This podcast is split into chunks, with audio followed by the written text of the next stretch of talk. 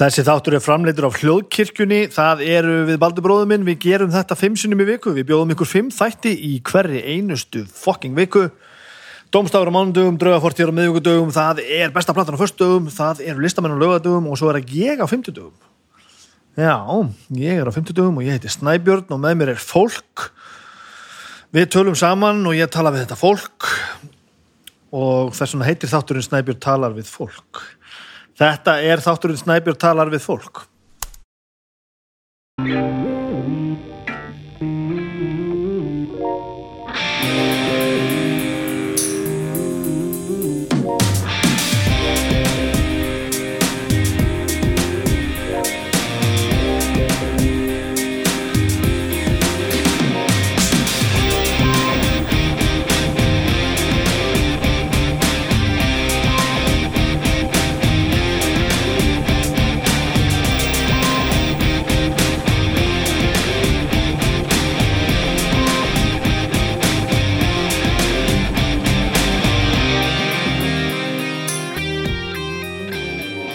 Tvent, það er brjála veður, alveg gjörsamlega appisynugul, dökk appisynugul viðvörun, þannig að það lemur hér, ég snín og baki í gluggan en ég held að ég sé á húsinu hérna sem að klýfur vindin fyrir höfuborgarsvæðið, ég held að vindurinn komi hérna utan á hafi og lendi hér og skipti svo hérna til vinstri og hæðri og þið takir svona restarnar, ég held að húsi mitt sé að kljúa þetta fyrir ykkur bara svo snjóplófur Það er annars vegar það, þetta brjála veður og hins vegar á ég ammali. Ég er 44 ára í dag. 44 ára í dag um, og, og dagurinn er þriðudagurinn 2050 janúar. Það er þannig, sko. Það er nú þannig. Um, þessi ammaliðsdagur er byrjað nú bara með svona það, ég var bara sjanghæjaður fram og fekk hérna köku og kerti og, og já, já, þetta var rosa rosa gott og gaman, það er miklu meira gaman að eiga ammali þegar maður er á börn, því að börnum hans verða svo glöð. Þannig að það er nú búið að vera gaman. Það sem aðverð degi, svo tók ég bara viðtal í dag. Það er nú ekki viðtalið sem þið eru að fara að hlusta á núna. Ég tók það í gær, þetta er svona bara einhvern veginn. Þetta er bara svona einhvern veginn. En allt gott að frétta sko. 44 ára og þetta, þetta lítur bara ágætlu út. Mér líður bara helviti ágætlega held ég ekki að ég hafi að ekkert að hafa verið við öru að búa sko. hvað er að gerast með þetta veður? Shit maður. Þetta er ekki, ekki eðlilegt. Já, Agnes komin heim. Það er ekki bara gott veður? Þetta er alveg trugg það er þannig. Herður um mig. Já, já, já, já. Við erum búin að gera hitt og þetta. Um, NFL náttúrulega í fullum gangi. Nú fyrir að kvarnast úr þessi það voru hérna áttaliða úslitt sem sagt. Já, fjóruleikinu síðustölgi það, þeir fóru eiginlega allir á undan aðan hátt. Tom Brady er dottin út og, en maður Holmes held nú velli.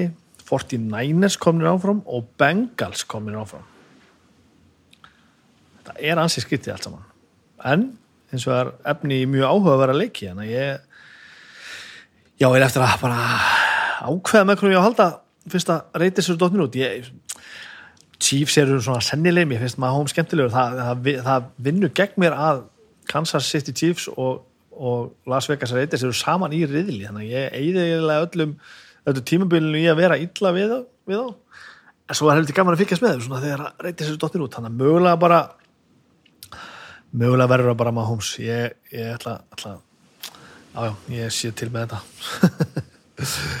Já, já, já, já. Svo horfum við á sjónvarpi hérna, búin að horfa á á verbúð. Það er mjög skemmtilegt. Verbúð er mjög skemmtilegt. Það er eiginlega bara, getur verið skemmtilegast að íslenska sjónvarsafni sem ég sé bara mjög mikið lengi.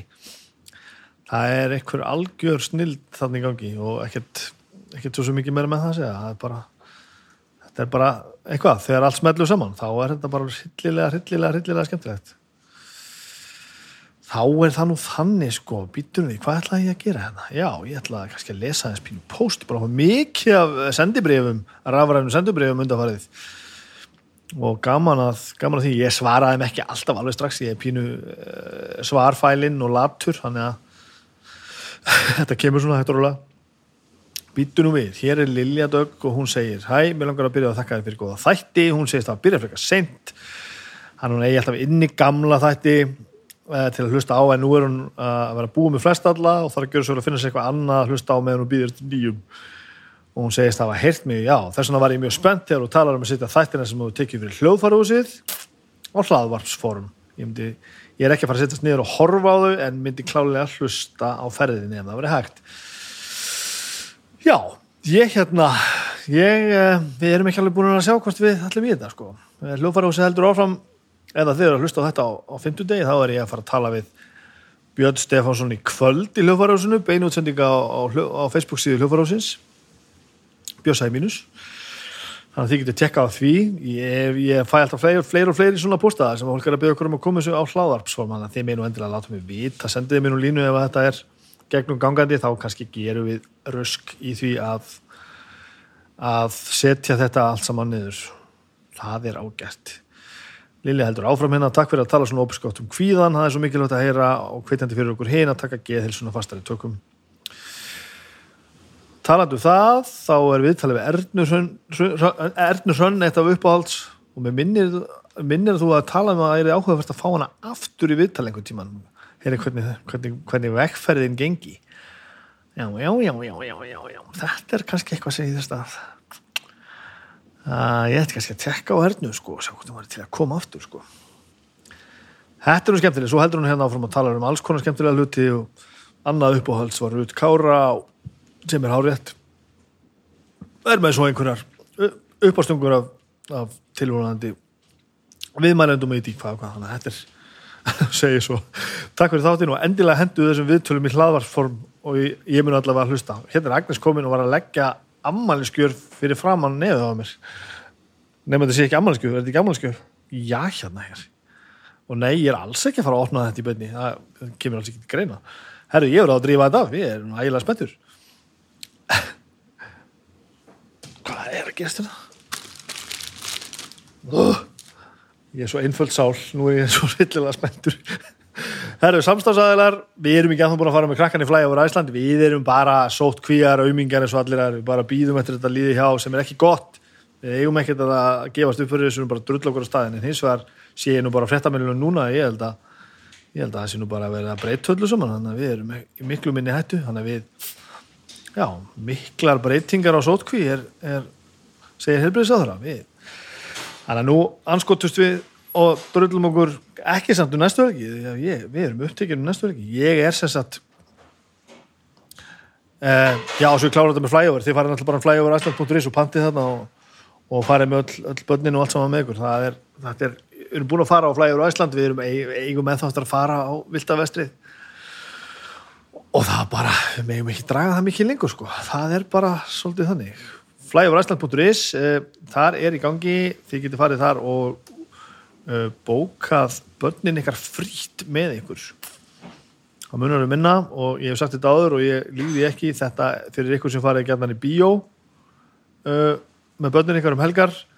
Þetta er stórkostleg uh, stórkostleg uppbrot á því. Þetta er alltaf öðru vísindi miklu meiri upplifun, sætin reyfast og það er vindur í andlitið og alls konar skemmtilegt. Og þetta tekur líka stitti tíma sem vinnur alveg með manni og svo er þetta fárálega gaman. Þetta er miklu miklu meira gaman heldur en ég held þannig að farið inn á Fly over Iceland. Eh, puturis og pantið ykkur. Pantið ykkur ferð þar. Það er nú þannig, já, við erum ekki farið næstu ekki vegna þess að þá er ég að fara í sögumbústa að spila Dungeons and Dragons með, eh, með strákonum ég held að Agnes ég að fara norður á saman tíma bara, bara krakkana. Við erum bara að fara í bústað tvær nættur, spila D&D á fullu, alveg alveg á fullu. Uh, já, ég er alltaf glemdi að nefna það ég stjórnaði um daginn. Síð, síðustu viku þá, þá hristi ég af mér slennið og, og, og stýrði einu kvöldi á, á, á já, DM-aði eitt, eitt, eitt æfintýri og það gekk það gekk helviti vel sko. En ég er náttúrulega orðin, orðin var að, ég var helviti riðgæður það viðkennist að ég var mjög riðgæður ég hef ekki gert þetta einu viti í svona kannski að vera 20 ár. Og það sem bjargaði mér hann var, var bara svona gömul segla sko, ég, ég var með grundvallar aðtegðinu hreinu en ég, það var margt sem ég var búin að gleyma og ég var að klúra einhverju hlutu sem ég átti ekki að klúra en ég held að strákarna hefði ekki fundið mikið fyrir því ef eitthvað. Og þetta var mjög gaman og ég verð kem enn starkari til leiks næst sem verður vandarlega ég held að hlinur alltaf stjórna lengst af í bústæðanum en ég gæti listan af tekið, ég gæti tekið svona hliðarskref svona milli sessjóna hefur honum, þannig að ég ætla að hafa undirbúið allavega eins og eitt sessjón hefur förum. En þetta er gaman, það er gaman að vera komin í stjórnendastólinn náttúrulega í D.O.D. sko. Vera samstarf, Simin Pay að sjálfsögðu, nú er það uh, mathallarflipin í appinu Simin Pay appinu. Núna getið þið fengið allar vefjur á Kóri á 1000 kall. Uh, Kóri í samstarf við Simin Pay býður allar vefjur á 1000 krónur í stað 1790 og tilbúið gildi frá 30 til 30 dags og aðeins þegar pantar og greiðir gennum Simin Pay appið. Og þú ræður svo gott og sækir Kóri í kringluna, Kóri á Granda. Þetta er Simin Pay appið sem er nú bara sannlegt mest nota appið í símanum mínum. Ég nota þetta hverjum einsta degi til að leggja bílum mínum og, og svo er oft gaman að fara bara ánga inn til þess að aðtók hvort það sé ekki eitthvað sem mann langar í. Það er svo mikið sem þetta er að kaupa og dreifa greiðslum og alls konar skemmtilega auðvöldan og þægilega en maður tók í hvað og hvað. Skemmtilegt. Símin pay. Ég var eitthvað búin að tala um það hérna um dagina ég var svona búin að vera eitthvað pínu slói hérna eftir eftir um, áramótinn ég er búin bara í reglubundi tjekk til Magnúsar Blöndal, ég er búin að ákvaða að hann væri gestur nummer 100 þannig að það er nú ekki marga vikur í það að, að hann komi hérna í þáttinn. Ég fór til, til hans á nýjan stað. Með, með aðstöðu upp í, í Hamaraborg, lengra að fara betri aðstæða, við kvörtum ekki neitt og ekkert í frásögufærandi ég lísti bara, lísti þessu sem að fyrir mér og fyrir húnum og kom allur heldur betri út. Og hvar ég er bara svona bara lappandi þetta með grímuna lokandi á eftir mér og bara svona lappa ekki ennum byrstofu þarna og er að stíða út þá, þá hefði ég nafni mitt kallað Snæbjörn. Og ég er svona já, snými við, já, halló. Og þá sittur þar maður sem er, að, er í tímanum eftir mér uh, sem að það er maður sem heitir Ingi, ég ætlum ekki að segja meira það. Og hann kynni sig og segir ég er maðurinn sem að sendi þið skilabóðin og sagði þið að fara að tala við Magnús Blöndal upphaflega. Þá er þetta sérst maðurinn sem að var að hlusta á þennan þátt og las í það hvernig mér hvernig, hvernig ég lísti minni líðan og öllu þessu kvíðastósi og þessu og sendi mér sagt kontaktin á Magnús Blöndal sem að hefur síðan tekið líf, líf mitt og snúið í algjörlega á kolf að við áttum hann að gerum grímundar smá, smá samtali sem var mjög gaman. Þannig að hlutinni geta skipta hansi miklu máli. Þegar ókunnu maður sendur mann einn skilabóð sem að gjóðsannlega kollvarpa lífinu á, á einu orði helvítið skemmtilegt að það sé að vera með eitthvað super drama sko. mjög gott. Herru, svo er það bónus, bónus er með mér hérna líka.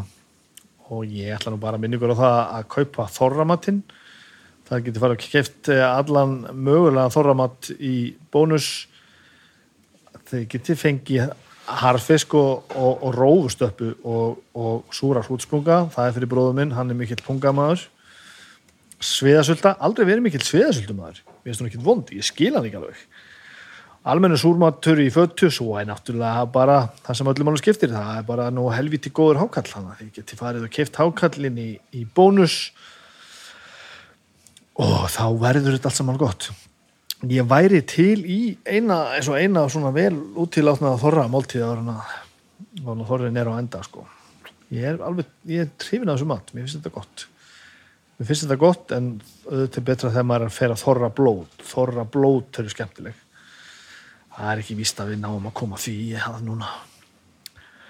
Það er ekki víst, þannig að þetta er allt saman gott. Ég á Amali, ég er að fara að spila D&D NFL í fullum gangi, gaman að vera til og það er ammálskjöf hérna sem býður eftir mér. Þannig ég ætla að hætta þessu blæri þið eru að fara að hlusta á mig tala við tala við Bróta Kristjánsson. Bróti Kristjánsson náttúrulega er eh, eh, hann er hann er legend eðlilega. Og að mínum dómi allt og lítið með þannig mann gert. Það er náttúrulega ekkert eðlilegt hvað hann hefur gert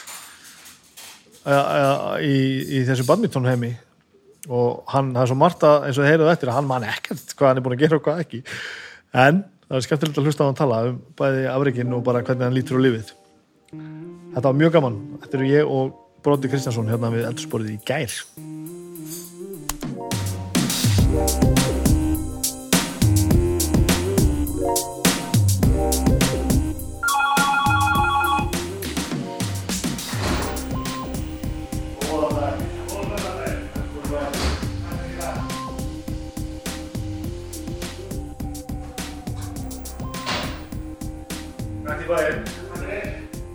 Þetta mútu takast nála til og þórir. Já, það, það, það, þú eru aldrei ónálægt. Hér er kaffi Já. Hér er vatn og hérna má þetta lýsa þetta flott takk. Ég er ekki með mikið plan. Nei, sem er, sem er, sem er ákveðin kostur. sem er ákveðin kostur held ég sko. Ég voru að hugsa þess hérna því ég, ég er gammal eitthvað svona var alltaf að vera íþróttastrákur einhvern tímann. Hann er komin úlingarlandslið frjálsum og eitthvað svona. Já. hann fylgdist með íþróttum á fullu og, Mhm. Og aðeins og ég ákvað um þetta fletti sér ekki upp sko. Fór að grafa eitthvað í minnið á sjálfum mér. Í minnið á mér Mm. þá er það þannig að Íslendingar eru að djöblast á einhverju olimpíuleika og ótum allt eitthvað. Með svona, þú veist, og maður svona mann einhverju nöfn, ég mann með nöfninu frjálsólum, þú veist, Jónarnar og, og allt saman.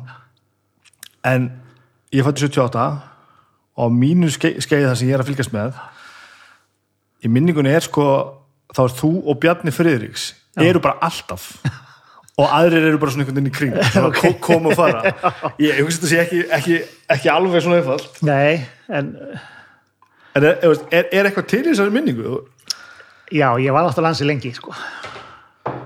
Var náttúrulega ansi lengi, sko, í, í baráttunni, sko. Já, En hérna, þannig að það getur alveg verið heilmikið til í henni, sko. Þannig að þegar næsta kynslu kom þá held ég alltaf áfram bara. Og, já þannig að það var þannig Já, já, þannig að ég á nokkra kynsluður sem ég var með alltaf, sko. Hvað er er það mörg stórmót? Sko, ég fór á mitt fyrsta heimsmeistaramót 1983 sem er þá þriðja heimsmeistaramóti sem er haldið bara að það byrjaði 77 þá fór ég ekki 80 var það haldið í Indonésiu og þá var ekki til penningu til að senda okkur þangað Að þú byrjaði að sprikla. Já, ég, þá er ég, þá er ég sko, 77 er ég bara ekki orðið nógu góður sko. Mhm. og 80 hefði ég kannski verið valinn en, en það var ekki farið þá 83 er það í Kaupmannhöfn og, og, og hérna þá förum við, fyrsta skipti á heimsmyndaramót og ég fór á öll heimsmyndaramót þanga til ég fór á mitt síðasta 2001 Já, ok og já, það já, 83 já. þá var það á 20 ára fresti þannig að það var 83 og svo 85 Og þú á öll mótin? öll mótin til 2001 Ég nefnir ekki svona að reikna Nei, hvað ég, ég hef talið þetta einhvern tíður, ég er búin að gleyma sko. en uh, ég veit ekki um neitt sem hefur farið á svona mörg Í heiminum? í heiminum sko. Þannig að þú ert heimsmeistari í að fara á heimsmeistarmót já, án þess ég hafi nokkuð verið að gramsa eh, leitast eftir, eftir því beint sko. þá, þá held ég það Það er gæðvikt já, það er það sumuleiti en það er svona með sem skiptir yngum máli það, það bara kemur Ef þú verður í bandaríkjunum þá verður stórstjörna sko. Þetta verður tölfræði sem við myndu, myndu já, já, hef, já. hefja til heimla já, sko. já, Er fyrsta heimsmeistaramóti 77? já, sko það hafði verið All England mótið sem er eh, svona frægasta badmintonmótið sem haldið, svona similar to hérna Wimbledon í tennis Já, það er All England, var alltaf spilað á Wembley og það var talið, talið alltaf um það sem svona óopinbera heimsmyndstarkeppni og allra, allra, allra, allum þjóðum búið já, já, já, já, já, það komu allir allir þangað alltaf sko. og það var stærsta mótið. Og, og það var svona óopinber heimsmyndstarmót svo bara uh, hafði einhverju hluta vegna aldrei verið haldið svona official heimsmyndstarmót Er þetta ekki gömul íþrótt? Jú, en sko þetta eru rosalega hefðir í þessu, þetta er svona náttúrulega breytarnir framalega og þeir eru náttúrulega íhjálpsamir en allt sko. Og það breyti, breytist ekkit Nei, nei, nei. Þannig að, og þeir voru sáttir við að All England mótið var svona það sem allir vildu vinna. Þannig að þeir voru ekkit að að reyna að breyta þessu. En svo náttúrulega þegar fleiri þjóði fóru að koma inn í og, og, og gera sér gildandi þá, þá kom þetta. Og 77 er fyrsta. Og það var ákveð að hafa það á 30 ára fresti. Og það var þar sko, 77 80 og svo 83 og eftir það var á 20 ára fresti. Já, strax Já, en svo er búið að breyta þessu núna. Og núna er það? Nú er það sko, sko nú er búið að taka þetta í sundur. Þetta var sko reynda var einstakliskeppni alltaf fyrst. Svo var það að fara að halda liðakeppni sem heitir Súdermann Cup. Þá er sko blöndu lið. Aha. og, þú, og þegar það var búið þá tók einstakliskeppni við sko. þannig að þetta var hálsmánaða mót alveg sko. Já, já, já, já. En nú er búið að taka liðakeppnina sér. Nú er það að spila sér og, og einstaklismóti er haldið á hverja ári nema þegar olimpíuleikar Já, ok. Það, ég er ekki hrifin að því. Ég, það er alltaf oft. Tekur ekki svolítið svona sjarman úr því að vera heimsmeistar Jú, mér finnst það, Já. mér finnst það þetta er orðið svona sko. þétt, en en ég er ekkert spurður því núna sko. Nei, það er ekki að hingja út á því. Nei, nei, nei. En, en þú hættir svo ekki að keppa til það Þú, þú Nei, ég held að þess áfram sko, en þú veist það breytist þarna sko, 2000, sko ég vinn síðasta Íslandsmeistaratitlin í einlega 2002 þá þá var ég svona eiginlega hættur þannilega, en ég, ég æfiði alveg og, og, og spilaði og svo var reglunum breytt. Það var hægt að spila svona upp í 15 eins og maður þurfti alltaf sendinguna og, Já, já, já. og upp í 15 og vinna tvær lótur þannig að það gat orðið þrjá lótur það var allt í einu breytt og átt að prófa og að spila upp í sjö en þú ertur að vinna þrjár lótur sko, þannig að það gat farið upp í fimm lótur Og þurftur uppgjöfuna þá eða? já, já. þannig að ég ákvaði, ja, prófum þetta. Ég var reyndar ekki að þessu sko prófum, verum með, gani svo vann ég það mót. Reyndar mjög óvænt þannilega sko. Kom ég reyndar ekkit óvænt, ég veist alveg ekki eftir en, en eh, ég, þá, þá hætti ég einlega leiknum ég sagði við þann sem tapaði fyrir mjög úrslitum og ég lofa honum að ég er ekki á næsta ári ég heldur að voru átti feiknir því voru náttúrulega freka þreyttir á mér Hvernig? Þá var ég, sko, það er árið sem ég er 42 sko. Það er árið sem verið 42 já, Já. Hvernig hérna þegar maður er Varstu Íslandsmeistari öll árin? Nei ég tap alltaf inn á milli Æ, ok. af því það var alltaf heilmikið keppni sko. það var margir spurt með að því hvað gátu hinn er ekki neitt en það var ekki þannig sko. Já, þeir voru, ég, ég tapa alltaf inn á milli svona, einu og einu móti en ég kom a- aldrei tveimur í röð kom alltaf brjálaður næsta ári af því sko, móti sem ég man eftir það eru móti sem ég tapaði já, já, já. Hin, Ég, ég ætlaði að fara að spyrja það, sko, hvernig heldur maður eldmóðinu gangandi ef að- þú vinnur endalust? Já, nákvæmlega. En hérna, mér fannst ég alltaf vera, eh, sko, sjálfur mér að kenna þessi mót sem ég tapaði. Það var alltaf, ég bara, þú veist, einbytt ekki fer. Ég er búin að vinna og vinna og vinna Já, já. og svo allt í hennu kemur ég, ég hlýt bara að vinna líka núna og svo bara mætur allt í hennu ekki tilbúin. Já, já. Og þá færðu bara kjæftin, sko. Það er nú holdt. Það er mjög holdt, sko. Það, eh, þess vegna hugsa ég hafi líka haldið svona Áfram, áfram. já, já, já. En með eins og heimsmeistarmótunum og olimpíuleikan og svona, að hverju varst að stefna á þar? Sko, olimpíuleikandi koma náttúrulega svo, því miður svo seint inn að því það er ekki badminton og olimpíuleikum fyrir 92 Ok. Vá hvað ég held þetta var einhvern veginn eitthvað sem var búið að vera alltaf. já, sko greinin var bara ekki olimpíuleikum það er nefnilega það er ekkit alla greinar á olimpíuleikunum þó, að- það er nú fjölgandi og það, það er alltaf endurskoðun á hver, eftir hverja leika hvaða íþróttu, þú þarf að hafa ákveðin fjölda með þess að allt- er alltaf á grænsunni sko það er því að við veit ekki hvað handbólt er. já, já, já, já. Og, en þegar badmintonum kom inn 92 þá náði ég inn þangað Já. ætlaði svo 96 líka náðum ekki inn þá ég gerði ákveðin feil þá við átnið þór stíluðum aðalegin á tvílegaleikin þá Mhm. og ég hefði átt að taka einlegaleikin með því sko. þá hefði ég líklega farið inn þar sko.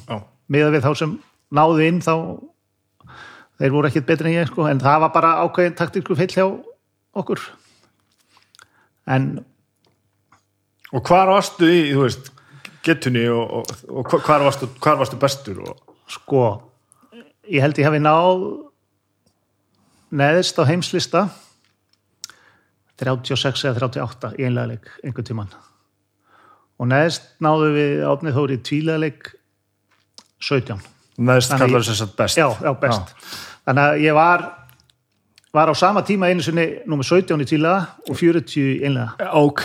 á sama tíma, Já, já, já. sama listanum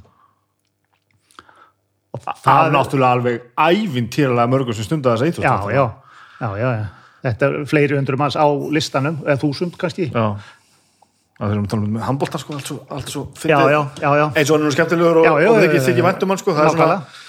Já, já, það er öðruvísi, er öðruvísi en, en, en, en hérna, já, ég man eftir því, ég var einhvern tíman á sama tíma, númer 17, í tvílega og 40 einlega. og, og hvernig var þú veist, var, var þetta eitthvað sem ég aðra af einhverju atvinnum mennsku eða, Sko, maður gerði þetta að aðeinu mennsku, en peningurinn sem kom inn, maður fekk fyrir mót og eitthvað svona, og maður, var- það fór allt í sjálf sig, sko. já, já, þetta þetta fór allt í þetta. Þannig að sko þegar það er ekkert sem situr eftir eftir það sko. Nei, en náður að vera badmintonspilari Já, já. ok. Það var náttúrulega bara því að fjölskyldan hlóðundi mann. Er bara þannig sko. Og, og maður leiðir sér það í smá, smá einhver ár svona. Hvað lengi? 8-10 ár eitthvað svolítið sko. Þó það já, svona, svona með, svo tók maður náttúrulega uh, sumrin og vann eins og skepna og Það er einmitt þetta, það er Já, alltaf, já. veist, alltaf að tala um ykkur aðtjörnum sko, svo þá maður að fara að selja klóspappi til já, að komast já, já, já, mót sko. það, er bara er raunveruleiki sem maður býr við sko. já. ég var einmitt að rifja upp bara sko, að því það átti nú að vera um næstu helgi hérna alþjóðlegt badmyndumót sem var nú svo fellt niður út af náttúrulega ástandi bara og, og ég var einmitt að tala um sko spánverjarnir sko sem þegar, þegar ég fyrst þá bara gáttu þeir ekkert í badmyndun núna eiga þeir sko stelpur sem hefur árið heimsmeistari og ónipimistari Mhm. og skrifstofunni hjá badmyndursambandinu þar sko eru 16 starfsmenn. En við erum að reyna að hafa einn í hálfu starfi. Já, þannig að þetta er rosalega erfitt alltaf sko. og núna þurfti að hætta við mótið að því bara það var ekki til starfsfólk til að tjekka og sko eru menn með bólusettir eða allt þetta sko þú þurftir að fjölga starfsmennum, það er bara ekki til fólk í þetta sko. Nei, nei. þannig að munurinn við þessi lönd er rosalega mikill sko en við höfum ímislegt annað líka að sjálfsögðu og þetta er margt annað sem að þú veist mann sýnir svolítið í eiginlega sem að tekja sér fyrir hendur það er auðveldara að láta að vekja aðtikla á sér sko svona, svona í Já, já. litla markanum Já, já. en það er erfiðar að komast alla leið og langt. Akkurat, það er það sko það er það. Hvernig hérna hvernig það er í stúin í þetta, okkur fyrir að æfa badminton? Vantalega var þetta ekki var, var þetta vinsald á þessum tíma hérna?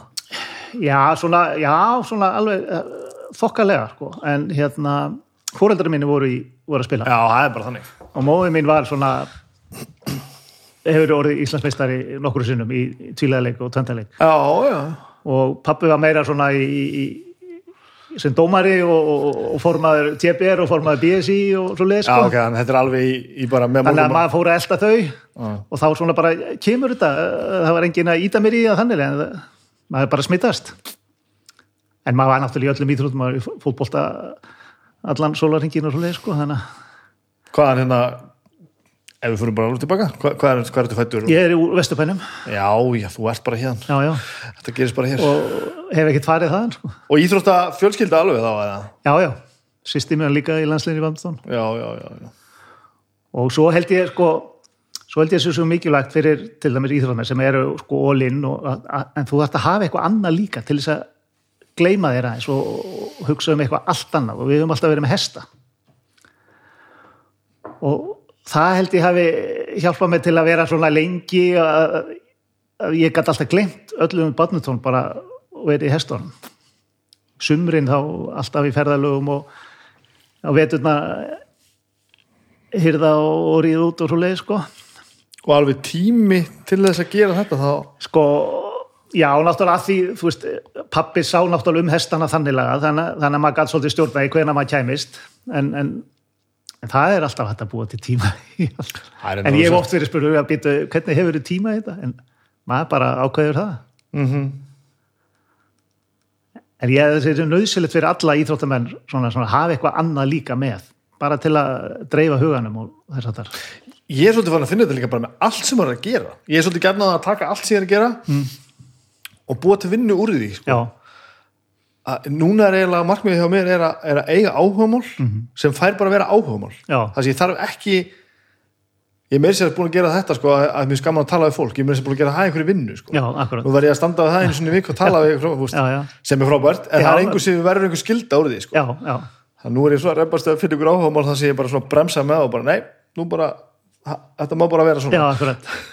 Já, en svo hef ég, núna setni hef ég ég er nú í golfklubnu þarna út á Nesi. Já, og fann að spila svolítið golf að því mjög minn og er svolítið slæm. Það er svolítið erfitt vond að sitja á hestinu þannig ég er aðeins fann að minka það núna. Er þetta þá mjöðminn sömu megin og slaghendin Já, eða? já. sem þú lendir alltaf Já. á það. sem stíg frammi og allt svo leið sko. ég var ekki góður í skroknum aldrei sko, ég prófaði þetta aðeins og ég fann það bara að ég myndi æfa badminton. Já, það myndi bara taka mig svo tvö ár að klára mig sko. já þannig að ég bara aðeins að súpa að segja það því núna Já, er slitt hæ, hægra megin mjög minn og hnið og er það, er það aðturum hana já, það er bara Já. ekta slitt sko. þetta er nokkur skipti sem er búið að lenda á með alla já, þungan já, heldur betur maður hefur verið að hugsa það svolítið núna maður spáði náttúrulega aldrei í þetta þegar maður var á hullu sko, en, en svona núna, hvað ætli maður sé búin að lenda oft Shit, þarna, maður. taka mörg uppstökk í smarsinu og svona. Þau eru orðin slatti, sérstaklega því maður fór á öll þessi mót náttúrulega og, og ég held ég sé líka með flestu, flesta landsleiki í heiminum. Af öllum, já, ég held það. Býttu nú við hvaða tölur eru þetta? en þetta er náttúrulega bara því að þetta var, var það langu tími sem það var og við spiluðum eh, svona, þetta var svona kannski ákveðu gullaldarskeið sem það fór í gegnum og, og hver er ástæða fyrir því að þú veist að ég hefði haldið að þetta væri sport þar sem að bara svona þrítugt þá eru farin yfir það að geta gert þetta fullir snerpu og fullir fullum krafti Er það- Já, já, það er það svona sumuleiti, en það má náttúrulega ekki gleyma því að það, að, er það er allir í, toppur hjá íþróttamönnum er að hækka sko. já, já. og útfann að duga lengur og svoleiðis og svo er þetta náttúrulega líka byggist líka á hvernig menn eru byggðir ef menn eru létt byggðir bara frá náttúrunar hendi Mhm. þá er auðveldar að vera lengur sko. var þetta eitthvað sem að, sem að þú fannst upphæðu og værir alltaf svona svona lettur og snarpur Já, og, ég var náttúrulega alltaf alltaf eh, léttur og, og hérna þannig að uh, það er bara hefur örgulega hjálpað sko þú, þú veist, þú, þegar ég hitti þig núna að- að- man ekki eftir að hef hitti áður þú, þú ert þú ert, þú ert herri heldur en ég hefði haldið sko. Já, já, ok. þú, þú, þú, þú, ert háastari nálat mér heldur en á skjánum sko. já, já, já, já, já, það getur verið. Ég næ samt ekki pappa sem var einn á 90 sko, já, ok. Sem var mjög stórt af, á hans kynnslóð sko. En hérna þannig að en ég hefði verið svona nokkuð ídeal fyrir einlega leikin já. fyrir einlega leikin já er það ekki eins? fyrir Nei, þetta er allt önnur íþróttagrein sko. Pittu nú við. Tvílega leikur og einlega leikur, það er mikill munur þar á. Líka í sambandi við limaburð og, og skrokkinu og svo Já, ég segi kannski ekki alveg bara en, en, en, en, en, en það eru kostur og gallar í, í, í því sko. Og hérna nú eru til dæmis sko þeir eru miklu háastnari núna í einlega leikspilarnir heldur en þeir voru. Og mælanlega herri einlega leikinum heldur en tílega Já, já nú, nú er Það eru í mér að er ekki þetta. stýttir reyfingar í, hérna tvílega leiknum og, og meiri hraði oft sko. Að þú ert með minna svæði bara? Já. Ha. hefur minni tíma og þarf að vera snegri og og oft, oft var nú það var mjög gott oft að hafa annan aðeins herri og hinn aðeins minni. Þannig að það var hægt að svona stjórna en, en er ekki svona róteringa þannig að báðið þurfa að taka jú, jú, það og þú ert út um allt sko en þú getur stjórna því að vissu leiti sko. En en svo náttúrulega þú veist þegar uh, Asjúbúðir eru náttúrulega öðru sem eru náttúrulega þetta er svakalegar í, íþróttugrein í Asjú sko. Að þeir eru náttúrulega flestir frekar lágvæsnir framan af sko en nú eru þeir farnir að verða margir hverjir hávæsnari sko. Já, já. Þeir, þeir eiga allt til sko Þeir eru allt til, það er ekkert margir áratúri eða þeir verður búin að taka allt yfir sko. Nei, nei, nákvæmlega. En þetta er alveg svaka vinsælt í Asíu. Hvaðan kemur þetta sport? Sko, þetta kemur uppáðlega frá Indlandi. Hvaða orð er þetta?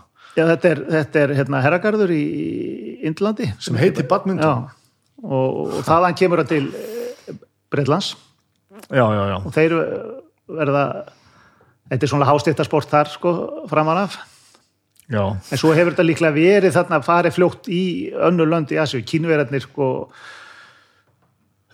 eru búin að spila þetta og það var alveg vita að þeir væru sko svakalega góðir en þeir keftu aldrei á alþjóðlegum mótum fyrr en 1983 heimsmyndstarmóti fyrsta sem ég fór á Já, ok. þá eru þeir að byrtast fyrst á svona alvöru móti af því þeir neituð alltaf að spila ef að Tævan fekk að spila Já, politík náttúrulega. og svo fóru þeir náttúrulega að sjá að þeir gæti ekki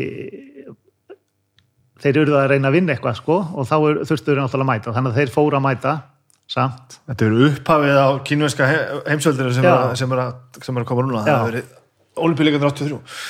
En það var mjög gaman til dæmis eins og við fengum held að það hafi verið 1981 eða 2 þá fengum við kínuskan þjálfara hérna til Íslands í TPR Áður en að þeir eru fannir að keppa. Já, já, Vá, hvaða framsakni einstaklingur á Já, það. það var eh, einhver, einhver tíman var einhver í sendiráðun í einhverju veislu og fóru að tala og það, eitt leitt af öðru.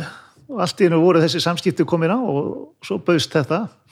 Og hann kemur, kunni náttúrulega ekki orð í neinu nema kínversku en hann hafði verið mjög góður hjá kínverum á, á sínu tíma og var svo farin að þjálfa og er sendið til okkar og þetta er fyrsti kínverin í öllum íþjóttagreinum sem fær að fara til útlanda að þjálfa Vá. þannig að þetta er bara það er engin kínversku þjálfari farið fengið að fara neitt Og komin sem, sem, sem langtíma þjálfari. Sem, Já, þetta er ekki já. þess að vera einhvern, já. nei, hann fær ári einu og hann var hjá okkur í tvö ár Og og, og hefði, sko, við vildum fá hann áfram en þeir, þá fekk hann ekki að vera nema tvö ár en þá kom annar í staðinn sko. Skipt inn á bara. Já. Ok.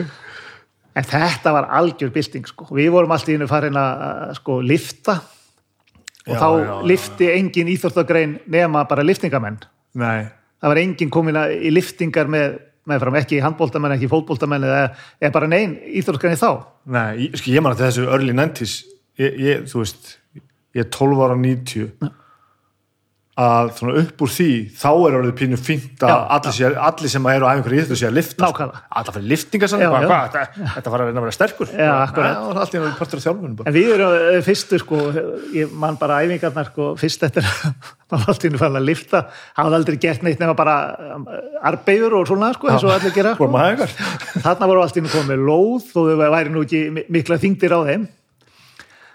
Lóð og svo bara í- þegar maður var í sturstinu og eftir og ætlaði að setja sjampóið sko, í hárið, maður náði ekki, maður gæti ekki lift hendinu upp sko.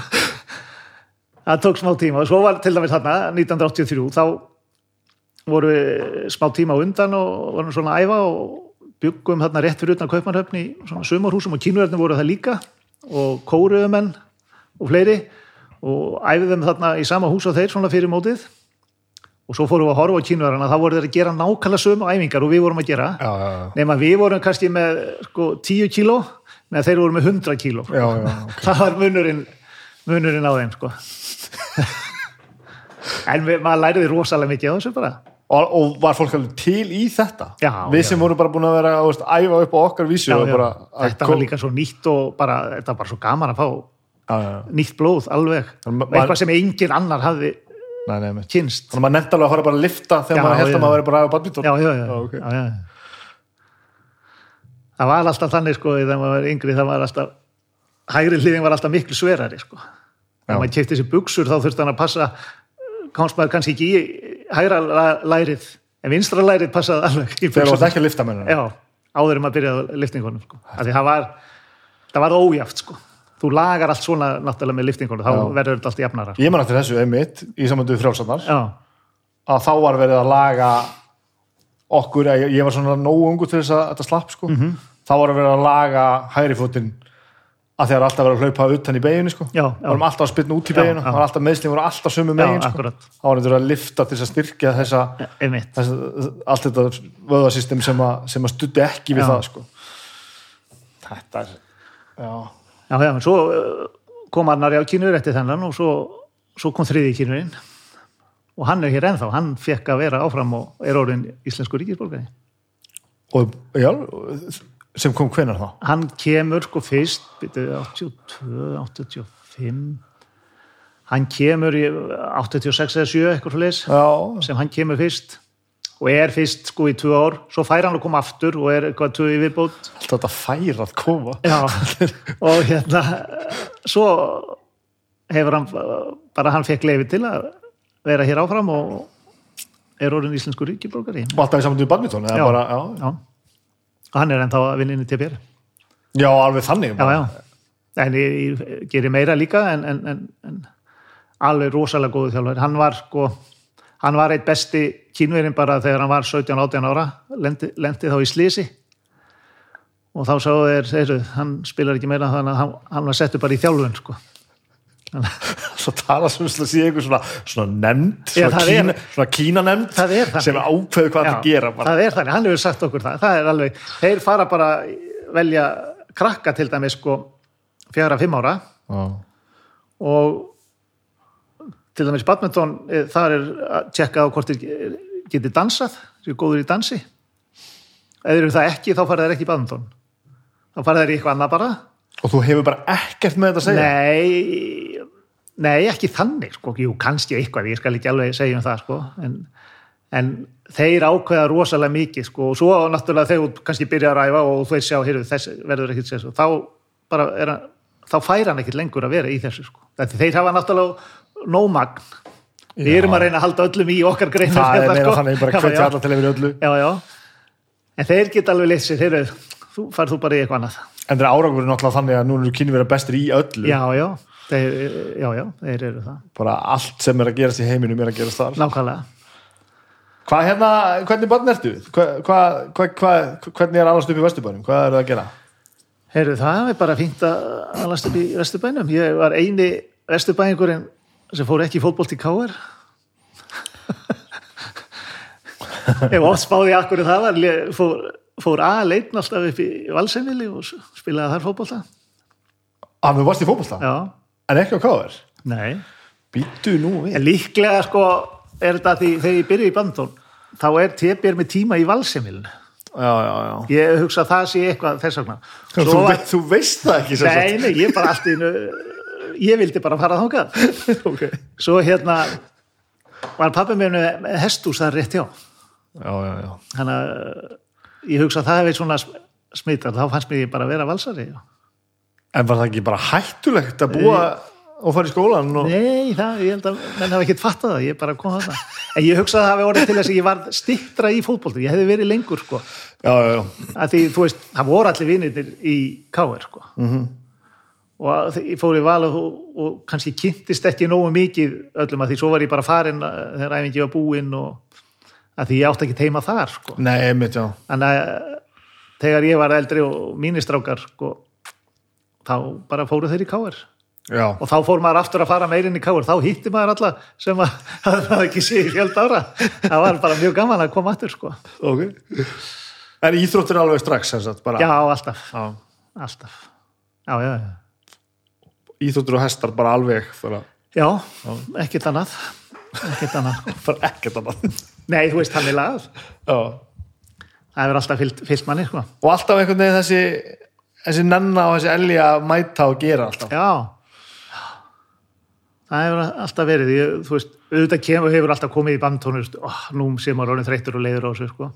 það kemur alltaf, en þá er alltaf þá horfum við, ég alltaf horft á bara að býta hvað er framundan, hvenar er næsta mót sem ég ætla virkilega að vera góður og þá gleymist það bara fljótt, sko, en auðvitað koma náttúrulega alltaf svona, oh, hvað var maður verið til í þurfu ekki að fara á einhver núna, það kemur alltaf annars slægið, já.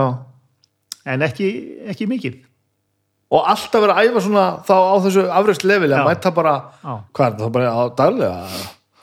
Já, já þegar að, já, og meira stundum tvisar á dag sko. já, alveg svo leis já, já, alltaf þegar maður heldur að eitthvað getur gest mögulega pínlita sjálfur sér Já. þá maður alltaf kift nýra á jörðina bara, nei, bara tvisar á dag Já, já. það er bara geggjað að geta gert það sko já. en sem unglingur, færði ekkert eitthvað ég er voðalega stiltur unglingur já, ég, nei, nei, ég ekkert ekkert mikið annað og bara á, áfram, áfram veginn í þessu alveg Já, já. já, Já, okay. Það er náttúrulega breytist sko 1976 þegar tjöpirhúsið byggt. Já, þá, hérna, þá er ég akkurat að fara í mentaskóla þannig að ég ákvað að fara í MS frekar en MR sko. Bara til að vera nær Bara þar. þá var ég nær, já, þá- já, þannig að þetta hefur allt miðað á þetta. Já, mér fannst það mjög sniðut og stutt bara þegar skólinn er búinn þá getið farið beint yfir og maður, svo þegar maður lendi í, var gati einhver kennari veikur eða eitthvað þess áttar, þá fór maður alltaf niður tépjar í göttunum. Hva, hvaða ofur áhugi er þetta? Ég veit ekki, mér fannst þetta ekkit vera ofurhági, ofurhági, þetta bara var svona. ég er nefnilega frekka góður í mörgu sko Já, en ég er ekki frábær í neinu og þegar ég er að horfa kringum og, og ég er að eiga þessi samtöl hérna og svona, fólki sem hefur svona virkilega skara fram úr í einhverju sko, hvort sem það er að spila á gítar eða að spila á badminton eða Já. hvað það er sko að það er alltaf einhver svona óskoraður áhugi um að, að fara alltaf þanga þegar af gefst tími já, ég, ég get alveg trúið því sko. það sé mjög algengt sko. og þá komum við aftur að þessu, það er aldrei neitt fucking shortcut, það er alltaf bara já, tvisar á dag, alltaf já, já, þú verður að vera ólinn sko. það er nú bara málið og varstu með eitthvað þú sem varst að læra ætla, ætlaður eitthvað varstu fórst í mentaskólan til að gera eitthvað sérstætt nei, ég var alveg, vissi ekkert hvað ég ætlaði að gera sko. Og, og hérna þegar ég kláraði metaskóla þá var, vissi ég heldur ekkert hvað ég að gera. Já, alveg svo leis Já. og alltaf bara badmintonspæðin bara. já, já, svo náttúrulega var það að aukast þar upp, upp úr tvítugur sko, þá, þá var það svona aukast og þannig að það tók svona við og meira og meira og ég maður, þú veist, fór í háskóla og byrjaði að fann sig ekki þar nógu vel sko. Svo líka á þessu tíma voru alltaf janúarpróf. Og þá voru janúar voru alltaf tvö eða þrjú mót sem ég þurfti að vera vel þannig að þá freistast maður stundu til að segja sig úr prófinu sko. Hvaða mótir ertu? Ég er hva- 60 mótil. Þú ert 60, já, 20, 80 já, þú ert er svona, þú ert að fara svona þannig að, hva- hvað sagði, þú veist ekki 77, nei, og ekki 80 ekki 80 83 er fyrsta. Sko. en hefði verið komið getuna 80 þannig að 17 ertu já, já, já, já, svona setja ykkur já, saman það eru reyndar mót sko, ég fór á Evropmót 1980 og svo leið sko, en heimsmyndarmótið er fyrsta sem ég fer á 83 Ertu að komin hvernig var það hva- hvernig var svona landslismál og svona ef það voru ekki heimsvistramót og, og þetta allt saman? það, var, það voru ekki spila mikið að landsleikjum. Nei, ekki mikið sko. Að því nú er náttúrulega, nú fer maður oft út á mót og það er ekki verið að spila landsleiki sko. Landsleikir eru bara að spila á heimsmyndarmóti þegar liða keppnin, já, já, já, já. Evropamóti og svo er það sem kallað er heitir Thomas Cup hjá strákánum og Cup hjá stelpunum þá spilum við sér. Já, ég skil ekki, já, já. og svo var svona hálfgerð hérna B-Evropi-keppni sem við vor, vorum á í no- nokkuð skipti sem er reyndar hætt núna sko en, en, en þannig að þetta, þetta voru skiptin sem voru spilaða landsleikir og svo var stundum tekið svona leikir hér og þar sko. Svona æfingarleikir og var alltaf árvist við færiðinga annarkvort fóru við ég fór nú ekki nema einu sinni þangað sko jú, það er tvisvar reyndar en uh, svo komu þeir árið eftir eða, ég man ekki hvort það var á tveggja ára fresti eða eitthvað svo leið sko. Já. þannig að það var uh, sterk samskipti á tímabili við þá og svo oft þegar við vorum að fara á einhver mót sko, við vorum öll þá var stundu tala við einhverja þjóður til að taka eitt svona æfingarleik bara Svona hafa þessi heitum bara. já, já, já, já þetta var líka sko þetta var að þróast hansi mikið á þessum árum sko í svona þeir sem voru á undan mér fengu kannski ekki eins mikið að neinu svona löðu sko. Hvað er að breytast á þarna? bara aðstæðan er náttúrulega verið sko, allt í einu er TBR komið á eitt stað. Þetta var búið að vera út um allan bæ. Eins og þegar ég byrjaði þá byrjaði ég í valsemilinu sko og svo voru þeir svo var laugatarsöllin TBR var með þó nokkuð marga tíma í laugatarsöllinni Já. þannig við æðum mikið þar og svo var svona áltamýra skóli og eitthvað svo leið sko, Já, bara að finna pláss Já, sennilega. já. En ástundurinn hefur þetta mikil að það hefur verið grundull fyrir að, stofna að byggja þetta hús. Já, hann var það og svo var þetta var náttúrulega byggt meira á minni sjálfbóðina sko. Já, alveg ótrúlegt sko. Selja klósipapir. Já, neða bara það, menn komum bara, það, það voru svona hérna, félagsmenn sem, sem, sem áttu pening og lögðu í og, Já, já, já. og svo komu menn, ég var, vann þarna í tv- tvö ár bara uh, alls konar, Bara handlanga já, bara. já, rífa timpur niður og gera hitt og þetta sko og, og, þeir sem voru í félaginu og stjórnuðu þetta, þeir bara sá um byggingun alveg sem slíka, þannig að þetta var ansi, þetta var nánast rei- reist alveg í sjálfbóðinu sko sem er ótrúlega, það sem myndi ekki ganga núna sko, en það, þarna á þessum tíma það þetta var hægt á Myndi ekki ganga með hennaru... ég, þú, þú færði ekkit fólk núna í svona Nei, það er bara til þess að fá fólk til að gera það. Já. Nei, fólk, fólk er bara móðgáð. já, já, leið. það er bara bú kannski- sá, sá tími búinn Já, bara kannski líka réttilega, sko. Já, það já, er, já, það já, já. er eitthvað skrítið við já, að já, láta já, fólk... já, alveg, ekki spurning því svo, minnum að segja 1986 þegar stóra húsið er byggt Já. þá var það allt öðru Já, þú ert ekki að tala um Nei, ég er að tala um minna húsi sko. Já, já, auðvitað. Fyrst, er, fyrst var það bara þannig með fimm völlum. Já, svo var farið að spá í að þyrst væri alveg grundvöldu til að stækka og að því húsi var bara fullt frá mótandi kvölds. Og þá kom upp þetta og þá voru menn fengni til að til að leiða sér velli svona eh, trimmarar og svona áhuga menn og þá leiður hann í fimm, borgaðir fyrir fimm ár fram í tíman til segja fyrir bygging Já, þannig var hægt að starta og svo komur náttúrulega svona- einhverju styrkir frá Ríkja Borg og eins og, eins og gengur Þetta er svona kickstarter þess tíma já. og þannig var, var hægt að byggja stóra húsi sko. Já, en þá var strax þá er sjálfbóða vinna ekki, ekki inn í myndinni Nei, sko. nei, nei, ekki, ekki nema litlu leiti sko. en alveg nóg, nóg anskoti stór og öflugur, hópur fólks til Já. þess að berja þetta í gegn já, Ég bara, bara svona alveg, alvöru kallar sem voru þannig sko. setja í samengi bara fólki sem ég þekki mér bandtónspa og það kannski fyrir bara ekki svona mikið fyrir sko. en, þetta voru, þeir voru bara all-in þessir gömluð Já. þannig sko.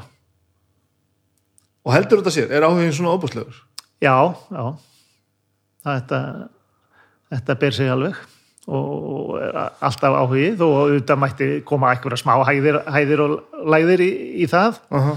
eins og bara í öllu en, en, en, en ég held að þessi standi bara alveg ágætlega. Mjög fyndið að ég er búin að beða þeim að koma að tala um mig hérna. Vina fólk okkur var í heimsók bara um helgina. Já, og þá var hann að segja mér sko hvað er hann, hóst, hann er einhvers þar 35-40 ára. Og hann að segja mér að hann er farið í fyrstskipti bara eiginlega á æfinni að spila badminton um daginn. Og hann með einhvern félaga sínum og ég bara, ha, það bara, já, það og starta fólki kringum hann sem er að aðeins, aðeins að hækka í aldri bara, Já. til þess að fara að reyfa sig eitthvað bara, já, bara leiða sig völl og spila badminton já, akkurat. Það er mjög vinsælt sko. Þá, og sko það má segja að félagi hafi, hafi lífað á því sko, það eru kannski fjórir saman sem er að spila og þeir leia eiga þá sinn tíma á mánudögum og já, og borga hann fyrir veturinn. Já, ég skil ekki þannig að þeir eiga bara tíma klukkan 6 til 7 og það er bara þeirra tími. Og þá og svoleiðis hefur, hefur félagir náða að lifa með því að leia út svona og þess vegna geta verið með stert keppnislið líka sko. og þetta fólk er þá ekki tengt inn í neinn lið nei, nei, nei, nei, það er bara kemur og spila sinn tíma sko, Já. og bara er í sínum hóp sko. en, en, en borga fyrir aðstöðuna sem gerir það að þetta, þetta lifir já, já. hvað ætlaðir að hvað varst það að reymbast hann í, í háskólanum ég fór, fór í félagsræði og ég fór í íslensku og ætlaði alltaf ætlaði nú alltaf í lögfræði sá fram að það er erfitt með bandtónunum sko.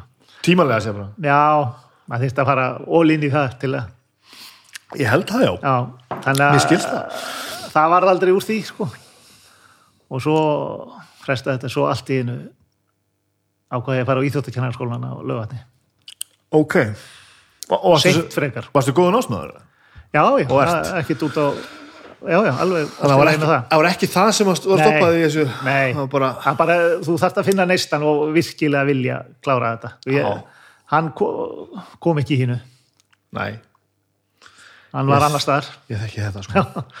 já, en þá ættir að fara í þetta kennar háskólan sko. Já, þú fari ekki endilega kannski beint í hann hvenær fórstu það ákvað? Heri, 90, 1990, þannig að ég var uh, frekar gamall áriðin. Já, er það, það, þykir það seint sem sagt Já, frekar present. En það var ég elstu þar, og, en það var rosa gaman. en ég meina þá ert á fullu Já, þá var ég, þetta var líklega vittlusast ári sem ég gæti valið í til að fara þangað. Af því þá er undirbúningu fyrir olimpíuleika. Það tók alveg tvö ár. Við þurftum að keppa á x mörgum mótum til að komast inn og til þess að vera ofalega á heims, heimslistanum, til þess að vera valinn. Og já, þessi aðdraðandi já, það er, og hjá okkur er það alveg, voru það tvö ár þarna. Þetta var fyrsta skipti, það er reynda búið að breyta en nú er það eitt ár, sko. Og þú þarft að lámark tíu mót sem þú þarft að vera með á listanum á árs tímabili þannig að þú þarft tíu mót til að telja inn og til að vera nógu svo kemur bara þarna í, í mæ fyrir leikana þá bara kom bara þá var ekki þetta að netinu Nei, nei, svo, nei. þetta var alveg það var bara beigð eftir einhver, það var einhver dagsetning og þá var sendt eitthvað já, já, fórum að skoða listan og þannig að þetta er, breyst mikið. Og þá var bara hvað ertu á listanum? Og svo þurftur að tellja út. Svo náttúrulega hækkar líka eitthvað að því eins og kínverðin mega bara senda fjóra þeir mega ekki vera með fleiri á olimpíuleikum það er slæmt já og þannig að það hækkaði þannig að maður var að spója og býtuði þeir eru þarna fjórir og hver eru inni og hver eru svo list þannig að maður þurfti að skoða það. En við náðum þarna inn. Og en þetta var ótrúlega langu tími sko, tvö ár sem þú varst að keppa og það er akkurat árin sem ég er á lögatni og hvernig leistur þú það? sko, sagan var náttúrulega þannig að það fær engi frí á já. það var mjög harður skólastjórinn sem var þar sko og stjórnaði miklu en þau voru þar frálsýsátt hjónin, þráin og, og Þórdís Gísla. Þau voru þar að kenna þar. Og Þórdís sagði bara, sko, hún sagðist vera, í, í skólastjórninni og hún sagði bara, það bara kemur ekki annað til greina. Þú færð að fara í þessar ferðir. Mhm. og hún talaði við átna skólastjóra og svo fór ég og talaði við hann og baði um leifi til að fara, já, hann, hann gerði það nú. Og svo fyrir hverja ferð sem ég var yfirleitt sko tvísverð í útlöndum í hverju mánuði, lámar Já, þú ert að fara út í öllu Já, þessu skipti? já, já, já. við erum ekki að tala um eitthvað skrepp Nei, nei, nei, nei, þetta var í útlöndum lámar tvisvar í mánuði. Og ég fór fyrir hverja einustu ferð bankað upp á hjá honum og fá leifi að hann vildi að ég kæmi í, í hver skipti og þetta láti ganga bara Já, hann gaf leifi og ég, það hefur verið sagt að ég sé eini maðurinn í heiminu sem hafi fengið, fengið svona leifi hjá honum þú er að fara að skrifa niður allt þar sem þú ert eini maðurinn í heiminum Já, já En það var sem betur verið hérna fekk ég þetta leifi og, og, og varst ekkert almáttugum minn var þetta ekki, ekki þreytandi ja? Jú. ekki það að bankum hjá, hjá, Nei, á já. skrifstofuna heldur bara eh, þessi þeytingur allir Jú, jú, jú. Þetta var, var það, en, en ótrúlega gaman. Þetta var náttúrulega það sem maður vildi gera, sko. já, já. Og, en þetta var hansi mikið og svo þurft, þegar maður var hérna þá þurftum að keira á æfingar í bæinn og, og þess að það, sko. Þannig að heilmikið púsl, sko. hvernig voru ólpíleikarnir, var þetta þessi verið ja? Já, ég hef sagt að ólimpíuleikar bara það er toppurinn og öllu, sko. Það er vel þess virði að æfa íþróttir alla æfi þó þess ekki nema bara fyrir ólimpíuleika. hvað er málið?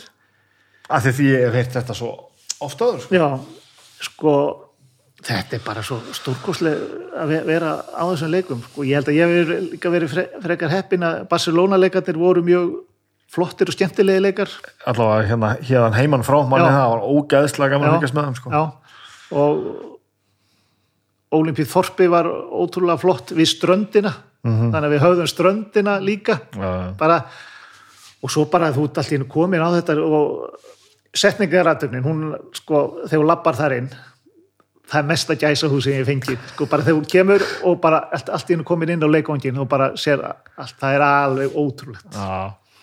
og bara eða það er ekki þetta lýsið, það er allt í kringum þetta sko, þannig að maður verður að passa sér svolítið, við vorum líka heppin svolítið badmintonið strax í byrjun. Það er bara fyrsta vikan og svo bú, er það búið? En við fáum að vera áfram. Þannig að við gáttum notið svolítið að vera á svæðinu það sem eftir var. Og voruð þá á mótinu það bara að fá Já, rauðinustar nei, nei, nei, nei við, maður, ég fylgdist mikið með frjálsum sko, fór ofta að horfa á það. Mm. -hmm. handboltinn var nú þannig fórum á Íslandsleiki. Þeir spiluðu reyndar aðeins fyrir utan það tók okkur alltaf tvo tíma að fara á það og svo tvo tíma tilbaka. Frjálsjóðstakefni 92 var alveg legendary já, já, já, já. ég horfði á Linford Kristi já akkurat, akkurat. mikilvægt. Já, já, Merlin Ottey hún hljóp þarna sko. þá voru hann frekar fullorinn það ekki?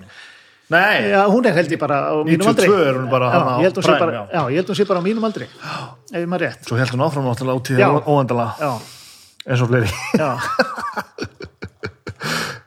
já, maður. En það er alveg magna fyrirbæri að vera óunnuppileg þannig að Þannig að það er vel þess virðið að fara í íþróttir þó að það sé ekki nema bara fyrir það sko. já, ég var í úr, úrvalsópi sem átti að fara í, til Já, 2000, já. ég gerði það nú aldrei. Nei, það er ekki pláss fyrir alla. Nei, það var ekki það, ég var bara hættur sko. Ég var bara að byrja að reykja og drekka í staðinn sko. Ég, Já, ég hafði aldrei skrokkin í þetta sko. Um leið og ég komst í einhver ákveðna á, ákveð álag sko þá fór bara allt að hrinja og ég fann þetta núna skálmöld og það fengið í einhvern hérna vorum með einhver, einhver lukundir fyrir Reykjavíkumarathonið og ég fór hérna á gammalsaldri eitthvað bara, veist, dútla mér eitthvað að reyja um bara hægt og rólega og bara svona æfa mig upp í þetta eitthvað svo um leið og komin, þá bara fann ég alla gamlu verkin að koma aftur Já, já, já. já, það er er það er það sem ég finn núna því nú hefur, þegar maður ætlaði að gera eitthvað aðeins meira núna þessum aldrei það, sko, maður verður að passa sig svo að fara ekki gera ekki ómikið og hvernig ertu því? og passaði?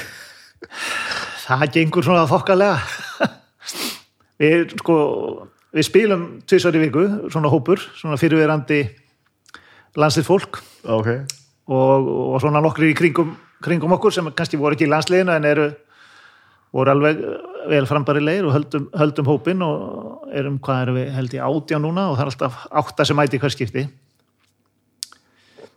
Spilum á allt skráð niður og keppni sko. já, já. Það þýðir ekkert annað. Annars, annars verður þetta eitthvað gull.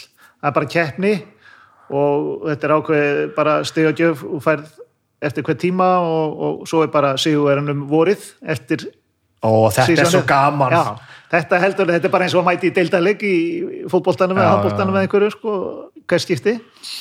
Og þá aldur, ekki látið skipta máli í þessu Nei, ég er náttúrulega elstur alltaf eins og flestu stöðu þar sem ég mæti orðið. Og hérna þetta er að við erum múin að yngja hellingu upp að því það fóru menn fóru að þetta, þetta úr að hætta Já, og gáttu þetta ekki og hitt og svona sko. en, en þetta er ákveðin kjarni sem var bæði voru saman í landsliðinu í fjöld ára og, og svo svona í kringum okkur. Og, Mhm. og það er bara rosa gaman svo erum við fann að spila golf saman líka. Já, þannig að það eru mjög margir í badmintomenn í, í golfi. Þetta er svolítið skilt einhverju hluta vegna badmintomenn eru yfirleitt frekar fljótir að ná svona verða Golfhreyfingum? þok, þokkalegir í golfi býttu nú við hefur einhverja, einhverja lógíkar á bakvið það? Nei, ég veit ekki, það er einhver, einhver tímasetning sko. já, já, bara og, þetta einhverja reyfingar sko. ég veit það sko, upp á Akrains á sínu tíma Átni Þór sem spilaði nú með mig tvílega mest sko. Hann er af skaganum og, og hann var svona í golfi og hann þeir sögðu þar golfþjálfararnir að það væri mjög gott að fá krakkan úr badminton í golfi af því þau voru svo fljótan á hreyfingunum sveiflunni já, alls ég með einhverjum með einhverjum Já, snú- það er náttúrulega snúning. mjadmarhefingin sem kemur hérna fram sko, það er, er mjög svipað og var verið að kenna uppgjöfina hérna á sínu tíma sko, og alveg, alveg sama mjöðminn verður að fylgja með sko, Já, já, já. og þegar þú vorst að slá hann uppi það er sko, mjöðminn kemur með og ímislegt svona sko. varst þú í, í þessum, á þessum árum var þá verið að fara grúndikt í þessa tæknihefingar Já, já, það var strax komin getan og kunnáttan til þess að já sko, þjálfarinn eh, okkar fyrsti, Garðar Alfonsson sem var nú svona, kendi öllum allt á, á sínu tíma hann var, maður er alltaf að sjá það betur og betur, hann hefur verið alveg fanta góður sko. já, já, já, og á þeim tíma sko að kynna sér og bara viða sér efni til að koma svo náttúrulega koma því að hann var búin að vera sko, hann var líka formar tjepjör þegar var að byggja húsið þannig að þetta var bara aðeins og mikið sko. Og svo koma aðrir þarna á eftir. Sigurður Haraldsson markmaður í val í fótbolta. Já, og hann tók við svo af honum og og fættur þjálfari alveg. Og er fættur kennari hann er sko hann er svo mikið að kenna alltaf. Og maður læri, hann var að vinna hann að ég held að hann nú ekki verið nema tvö ár sem hann var sem mest ég læriði rosalega mikið á honum líka það var svona, þegar maður var í mentaskólanum og því, þá tók maður til dæmis þegar kom jólafrí þá vor, var maður þar alla daga, tvær, tvær æfingar á dag hjá Sigga og ég, ég, enn, ég man ennþá eftir því sem ég læriði hjá honum þar sko. hreyfingar og, já og, og, bara ákveðin högg og, og tækni og hvað, voru, hvað var þetta fólk að fá þetta eða? Hann var náttúrulega búin að fara á þjálfaranámski í Danmarku og, já, og, og það voru samskipti við Danmarku og, og, og þetta er náttúrulega mjög stór íþrótt í Danmarku já, ok. Danir hafa alltaf verið einn besta þjóðin náttúrulega langbesta Európu þjóðin svona eh, yfir höfuð. Og þetta er bara eins og fótbolt í Brasilíu. Dan Danmörk og badminton. Já, ok, ok, það er, það er sama hvaða bæjarfélag þú ferði í, það er alltaf badminton hús auðvitað og það er sem er bara, bara badminton, ekki danmörk, þú ert ekki að hafa áhyggjur á nei. sko. það er ekki eins og fara hérna sko, í gróttu eða káir eða, eða val sko, það sem íþróttasalurinn er og það er sko handbolti og Já. það er fótbolti og það er þetta og hitt blagbolt í hausinu þannig að það er bara badminton í þessum húsum þannig að þeir geta bara verið með það það er náttúrulega líkillin að þessu eins og hjá TPR að geta haft hús sem er bara badminton ég maður bara þegar ég var að æfa frjálsatna sko, maður fór aðeins í gegnum nokkra þjálfara sko. Sumir eru bara sko, brói vinnu minn sko, sem að þjálfaði mig sem lengst. Hann var bara þjálfara að guðsná og, og það var ekki bara því að hann hafði svo mikið áhuga. Hann var bara alla daga endalust að kafa hann eða hvað verið rétt að gera sko. og reyfingarna sem hann kendi manni og maður fara að hugsa um þetta í dag eins og þetta að segja, það er ekkit internet. Nei, nei, þú þurftir alveg að, að passa upp og allt verið lægi ja, nákvæmlega. Hann var að hugpæli í sko, hvort menn var að meiðast og hvað þurfti þá að gera Já. og, og meðan ég man eftir að ég fór að hafa fótboltastundum og maður var bara að láta hlaupi ringi að maður meiti sig sko. Já, já. Veist, það var enginn að þjálfa mann. Það var bara nei, einhver sem mætti svona og passaði að enginn myndi drepa já, sig eða einhvern annan sko. þannig að þetta hefur ansi, ansi fr framsækið fólk sem var þarna já, já, það var það. Það var það alveg pottið sko. en þetta eru sko það er líka alltaf komið betur og betur í ljós núna sko, ég held að maður sjáu það rosalega vel í fótboltanum. Að hvað þjálfarar þurfa að vera sko bara á tánum Mhm. og þýðir ekkit að vera með gamli skólin í, í þjálfunar aðferðunum, hann er bara búinn sko. bara teipa og halda áfram já, já, og, og öskrámenn í hálfleik það, og já, svoleiðis, einmitt, það er líka þetta, þess að þessi þetta. andlegi þáttur Já, maður það, er, það þýðir ekkit lengur sko. Nei. það er, og, og ef þú sko, ert ekki alltaf að finna þetta nýjasta og vera með þetta nýjasta þá bara dettur úr Mhm. þannig að ég held að fótboltinn hafi verið svolítið duglegur með það með að setja þess að þjálfara gráður og bara skilir þið Já, já, til þess að þjálfi efstu til þá þarfst að vera búið með þetta já, það er já. og það er að skila sér núna sko. hm. Ímynda ég mér þó ég hef ekki verið hjá þeim á hefingu sko. þá, Nei, maður- þá sé ég það bara sko. væntanlega bæði gæðarlega og líka bara heilsulega, bæði andlega og líkamlega heilsa bara, bara Já, upp á fólk og þeir hafa líka peningin til þess sko, þeir eru, geta verið með sko, sér styrsta þjálfara, já. útalsþjálfara og allt þetta sko. þeir hafa peningi að hafa allt þetta sem minni, þessar minni greinar hafa ekki og, og hvað er byrjað að skera niður það er akkurat í einhverju svona sko. Mhm. já, já, sjúkrað þjálfara kostnaður og svo leiðis og nuttið og þetta sem þarf að fylgja en þetta er að fyrsta sem þú skerða alltaf í burtu. Allir þetta verði eftir þannig að það veri verði fullu skilningur á því hvað þarf?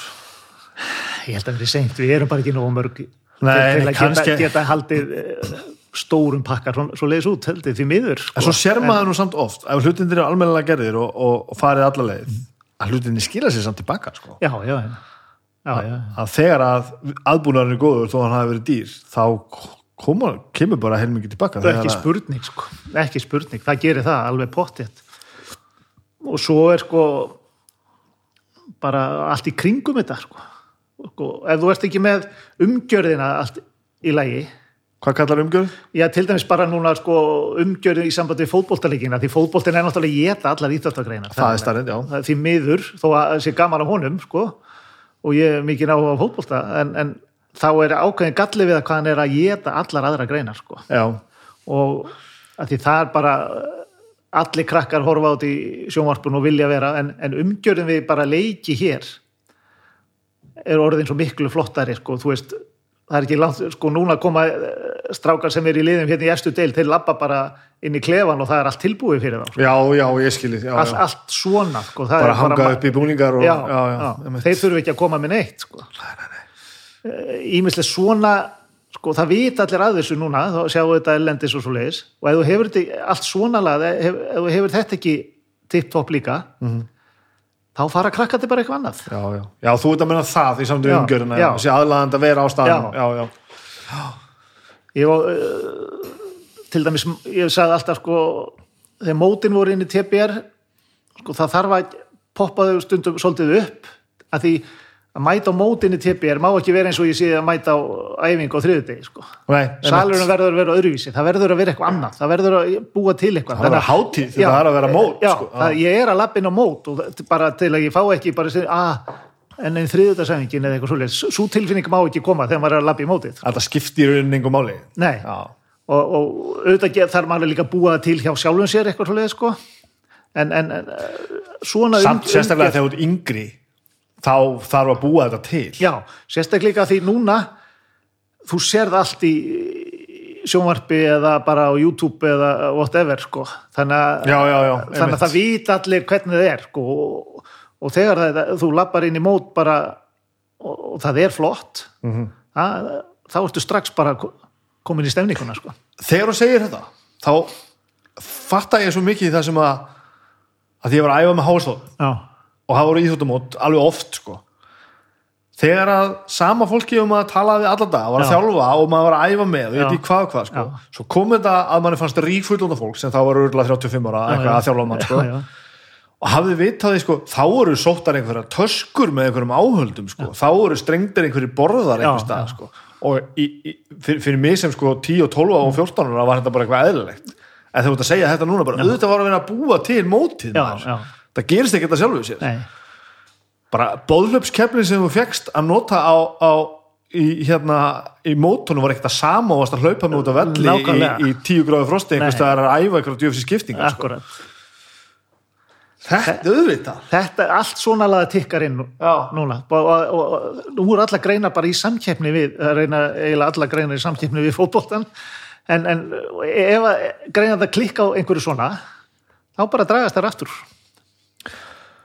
eitt sem að eh, verður að telast frekar pyrrandi alltaf. Það er alltaf að árangur þurfi að koma fyrst og svo koma aðbúnaðurinn. Já, það er svolítið íslenskt. Heldur að sé það sem málið, íslenskt. Já, eins og líka þessi styrkir allir eh, sem er nú ekki miklir en það er náttúrulega afriksjóður og þess að það sko. Mhm. en þú þarf alltaf að vera búin að sína árangurinn til þess að fá styrkina sko. Þannig að, og ég veit alveg að það er ekkit auðvelt að brey- breyta þessu og þar getur oft verið undirleitt en, en til þess að fá komast á þetta level sko, þá þarf það að vera búin að sinna hansi miklu. Og ég hugsa við gætum verið búin að fá fleiri svona á hærri standard ef, ef það væri hægt að pikka út sko, svo er reyndar hræslan alltaf við að pikka út. Heyru, þú, þú fær hérna styrk en ekki þú sko. já, já, auðvitað maður að því við erum svo fá, það er verið að reyna að halda öllum inni já, já. þannig að þetta er kannski ekki alveg einfalt en, en, en vissulega þyrft að vera aðeins meira þarna já. fjandinn hafið það, það var satt, alltaf að búa til kerfi sem virkar sko. jú, jú, auðvitað er alltaf skrítið að mismuna fólki og allt saman en að sé já, já, já, já, en það menn þurfa að læra það líka já, já. en þú veist ekki nema bara þetta þú veist, að, að þú gangir inn í aðbúna sem er næs sko. já, já, þá, þá ertu strax búin að koma ykkur að stað sko. já, já, svo er líka svo misjant sko hvað hvað uh, unglingar og börn og unglingar eru fljót að ná sko, bara líkamlegu þroski og allt, allt þetta ég var til dæmis vann aldrei mót fyrir en ég var átján ára sko. Býtu nú við. Ja, Íslands fyrsti Íslandsmeistari titillin var síðast ára mitt í unglingaflokki. Þá hafði ég aldrei unni neitt fram að því. Varstu ekki undrabann þegar þú byrjaði sko ég var mér hefur sagt að ég hefði alveg sínt fína takta sko. Og það var sumir sem höfðu sagt uh, já ég vissi alltaf að þú erðir erðir bestur af þeim. Já, gott að segja það eftir á. Já, Já. en, en hérna ég vann aldrei neitt á yngri árunum sko, af því það voru alltaf einhverju sem voru miklu sterkari en ég. ég var, var, eh, var seinþroska og, og hérna léttur og frekar auðmur ábyggilega Mhm. en í staðin held ég að teknin hafi komið betur og ég náði að nota hana. Og svo þegar líkamlega styrkunum kom líka þá tók ég alltaf einn á ári bætt alltaf við og þegar ég var búin að taka hann þá tapaði ég aldrei fyrir honum aftur. Og setja á aftur fyrir sín bara. Það kom svona í róliheitum sko. og síðast árið mitt í unglingaflokki þá vann ég vann ég hérna þreifald einlega tvíla og tandar. En hafði, það voru fyrstu Íslandsveitara tillarnir í unglingaflokki ég vann aldrei yngri. Og mannstu þetta alveg? Já, já, og bre breytti þetta leiknum eða varstu alltaf að gera það sama? Já, já. Ég, það bara, þú veist, það var bara hörku keppni og ég var ekki, þeir voru ekki að rúlega mig en eitt svo leiðis og ég var alltaf og, en, en, en hérna þeir höfðum ekki en, en fyrir, er, sko, ég hafði þá ekki fyrir en síðast árið það er reyndar svolítið óvanlegt að við vinn ekki fyrir en síðast árið sko. já, þegar að yfirbörðin verða svona miklu mm. það er svona, mann líkur við að halda að þetta þurfi einhvern veginn að hafa komið stræð, líka Já. bara áhugaðan að gera Já, já, já, já. Það er náttúrulega mjög, kannski algengt líka þeir sem ekki vinna mikið, þeir enda með því að þeir missa áhugan, sko. Já. Það var aldrei, aldrei hjá mér þarna. Ertu ekki knúin áfram á því að vinna samt? Jú, jú. En það er kannski ekki komið eins mikið þarna. Nei, nei. En setna þá, það er sama hvað ég fyrir í, sko, þú og ekki til dæmis, sko, það er svo margir betri en ég í golfi, til dæmis svona. Já, já, já. En- og ég byrjaði bara 50 í golfi sko. en, en ég er alveg þokkalegur sko, hannilega en, en, en það eru ennþá slatti sem eru miklu betri en ég Hvað, í heiminum eða bara Já, bara hérna bara út á nesi þessuna sko mér finnst það svolítið erfitt stundum Og hva, hvernig, hvernig er við þá? Hva, hvað gerir þú þá?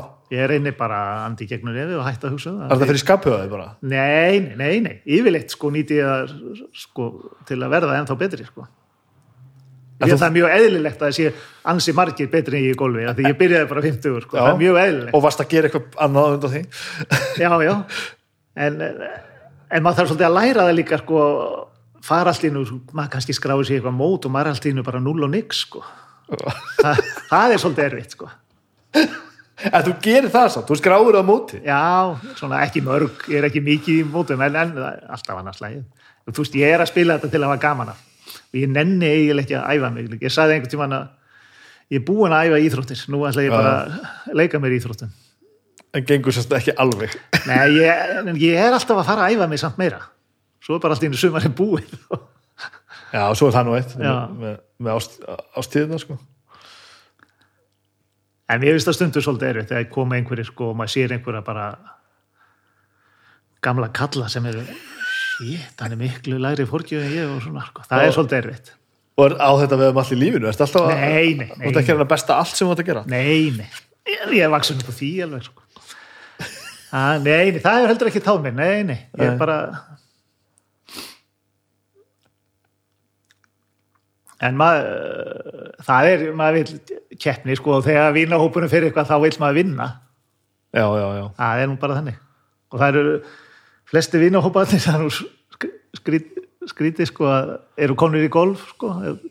Maður á kannski svona þrjá, fjóra hópa svona sem maður er í Já. og þeir eru allir eiginlega meira og minna í golfi Ég, veist, ég hef farið í golf svona Já. 20 sem æfun og kann ekkert sko. Nei, Ég horf alveg á það sko. Þú ert að segja 50 já, Ég er verð 44 á morgun. Ég held að 50 sé bara, sé bara mjög næri lægi Þá er ég farin að slá kúlu já sko. ekki draga þess að lengur en Ok, það, ok. það því maður, þegar maður byrjar sko þá hugsaði maður sko ah, hverju byrjaði ég ekki fyrir á þessu? Af því, af hverju?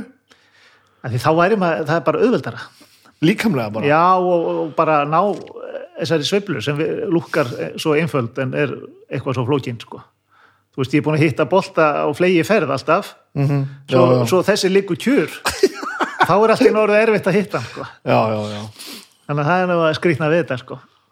en svo er náttúrulega ég eh, líka satt á að kenna líka krökkum bara golfsveiflu strax bara undir tíu ár aldrei sko. og þó þau spilir svo aldrei golf eh, fyrir en bara þau eru eldri að því sveiflan gleymist ekkit sko. Já, þú meina það. Já, það, það er alveg hefði maður lært bara þegar maður var yngri og þó maður hefði ekkit spilað svo meira þá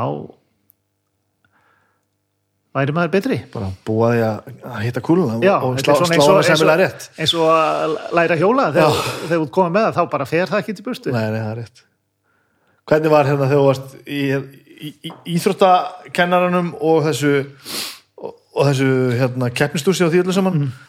Var eitthvað plássur eitthvað meira? Ég meina, áttur eitthvað engalíf eða varstu með einhver áhugamál eða? Já, þetta voru áhugamálin Já, badmintonið og, og svo hestarnir sko. Á hestaður, já, Já. já. ég eitti þú þegar voru hel, frí helgar og ekkert, ekkert mót og svona. Og engin æfing kannski, þú veist, maður tók kannski frí svona ekki, þá var ég bara mættur upp í hestur bara millir 9 og 10 á mótana og kom svo í kvöldmatt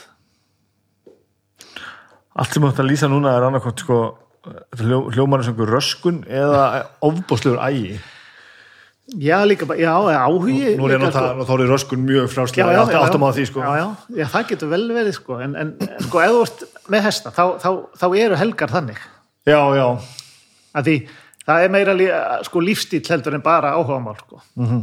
og ég var náttúrulega svo heppin að fjölskylda var með hestan þannig ég gat farið í hitt líka sko. Já, þurftir ekki að bera fulla ábyrð á því alltaf. já, ég komst ekki að gefa núna það er allt í lagi, minna pappi sá um það sko. og og þess vegna svo, þú veist, þegar menn er að spurja sko, til golfi, já, þetta fyrir svo langu tími þetta ég segi, nei, syngurinn er bara svona fjórir millir fjórir og fimm tímar já, er það ekki? Nei, það er ekki mikið þegar maður er búin að vera með hesta því þá Já, já. ef þetta getur stjórna því sjálfur sér sko en, en, en, en ég var alveg vanur svona áhugamáli sem tók svona langa tíma sko. Og, Og- þegar öll fjölskyldan var í hestunum líka sko þannig að, þannig að það var mjög einfalt. Hvernig er þá dagurinn í leið? Er þá allur tíminn sem að einhvers staðar, sem ég myndi kalla sem einhvern frítíma, hann er bara settur í þetta? já, svona ofta, ég segi ekki alveg allur en, en, en, en, já slatti sko, á, á, á ákveðni tímabili svo, svo nær maður náttúrulega stjórna þessu meira þegar maður verður eldri og þess aftur, en maður líka þú veist, mér langaði bara upp í hestur þegar þegar ég átti frí sko, þannig að Áhugaður sem þú átt að segja þetta í byrjun, þetta með að, hafa eitthvað svona til þess að klippa sér frá öllu hinnu. Að hætta að hugsa um allt já, hitt. já. ég held að það sé rosalega mikilvægt ég held að menn sko ef þú ert og átt kannski frítíma og þú ert ekkert að gera annað en þá ert að hugsa um hitt og það getur stressaðið upp og, og þú verður líka bara þreyttur það er ekkert annað heldur en fótboltinn eða handboltinn eða karvan eða hvaða íþrótt sem þú ert í það er svo rosalega gott að geta kúpla sig alveg frá henni og, og ekkert að hugsa um þetta þá Já. kemur líka feskari Þetta er alveg tilbúin í æfinguna eða tilbúin í næstu törn eða hvernig það er. Og Meinur af, því að þú Ert búin að kúpla þig já, frá. hættir, að, Já. hættir bara alveg já, já, já. Og, og það er náttúrulega, hestar eru náttúrulega einstakt. Þú getur dundaðir svo mikið, sko. Þú getur verið í útreðatúrum og dundaðir í kringum þá, sko. Þannig að það er svo mikið hægt að gera, sko. Ég maður bara hefur sveit sko, þegar maður var bara að sinna skeppnunum Já. og var með testunum. Það var oft ótrúlega hvað orða ég nota, það var svo tímalöst einhvern veginn. Ferð bara inn með skeppnunum einhvern veginn og fer bara að sinna einhverju já. það er tekur svo bara kampinn og, og, og fer svo bara eitthvað að gefa og, og spjalla við dýrin sko. Tíminn bara stoppar sko. já, bara stoppar, hann hverfur bara Já. Þannig að það er svo... Ég hafi verið henda mér allavega, Mhm. mjög vel, að- og náða að hafa þetta saman. en hvernig með fjölskyldu og engalíf og svona á, á þessum tíma, Erstu, er fjandinn hafið það, er tími fyrir það og nú allt annað Já, já, það var náttúrulega alltaf eitthvað, en, en það var, eh, maður var meira og minna laus alltaf, sko. já, Svona þannig lagað, sko. Þannig lagað. sannilega og tengjur það beint við þetta Og Nei, nei, nei, nei, bara, það, bara, það var ekkert skipulagt í því, sko. nei. Ekkert skipulagt í því. áttu börn, eða? Já, tvorstraka ok, og, og konu sem ég var orðin, já, 29 þegar við byrjum saman, sko. þannig að þú ert að byrja með henni Já, fer svo í skólan Já. og ert að keppa á þessum já, Já, þetta, þetta, þetta hljómar ekki eins og þetta sé, gjör, þetta sé, sé gerlegt sko. ég skil ekki alveg hvernig hún lendi þessu fyrst, fyrstu tvö árin, sko. og þið sést búin að saman í allan tíma. já, já, Já, já, ansi gott já. og hvað hva, hva var hún að gera þá? Heyrðu, hún var á ná að vinna þá en fór svo stuttur setna í, skóla meira nám og hvað hva, hva, hva, gerir hún? hún vinnur hjá Arjónbanka Ég er alltaf skammaði fyrir þessu viðtölum það er að, er nefna eitthvað fólk að fólk vil alltaf fá nöfnin og hvað það gerir já, hún er Helga Þóra og vinnur í Arjónbanka já, já, já, og hún, skili, hún hefur skilið þetta, þetta bröldi er alltaf. Já. Já, skilið, eitthvað nú að skilja líka bara að taka þátt í þessu en sko, hún er náttúrulega hefur ekkert verið í íþróttum eða neitt þannig Nei. að já, hún lítur að hafa skilið að hún allavega gaf mér síðan sá Já, þetta er líka rámt orð hjá mig sko, þetta er eiginlega meira um að spurningum að taka þátt já já, já, hún náttúrulega, þú veist, svo fór hún að fylgjast með og horfa á og, og svo setna þegar strákarnir okkar fóru að spila líka og Hvað kynntust þið? við kynntumst bara hérna nýri bæ bara á íslenskan móta já, já, já, já. Þetta hljómar samt svolítið eins og þú hafir aldrei farin í bæ Jú, Þú jú. hafir alltaf bara verið á æfingu heima að sofa, í skólan og svo bara Já. sko. ég fór mikið á þegar aðal músiksena var að byrja sko, Bubbi og og Utagarsmenn og og svo það sem kom á eftir sko. ég fór mikið á borgina Já, hlustaði, á, ok, ok. Hlustaði á það allt sko. Af, af músík áhuga þá? Já, ég er mjög gaman að því.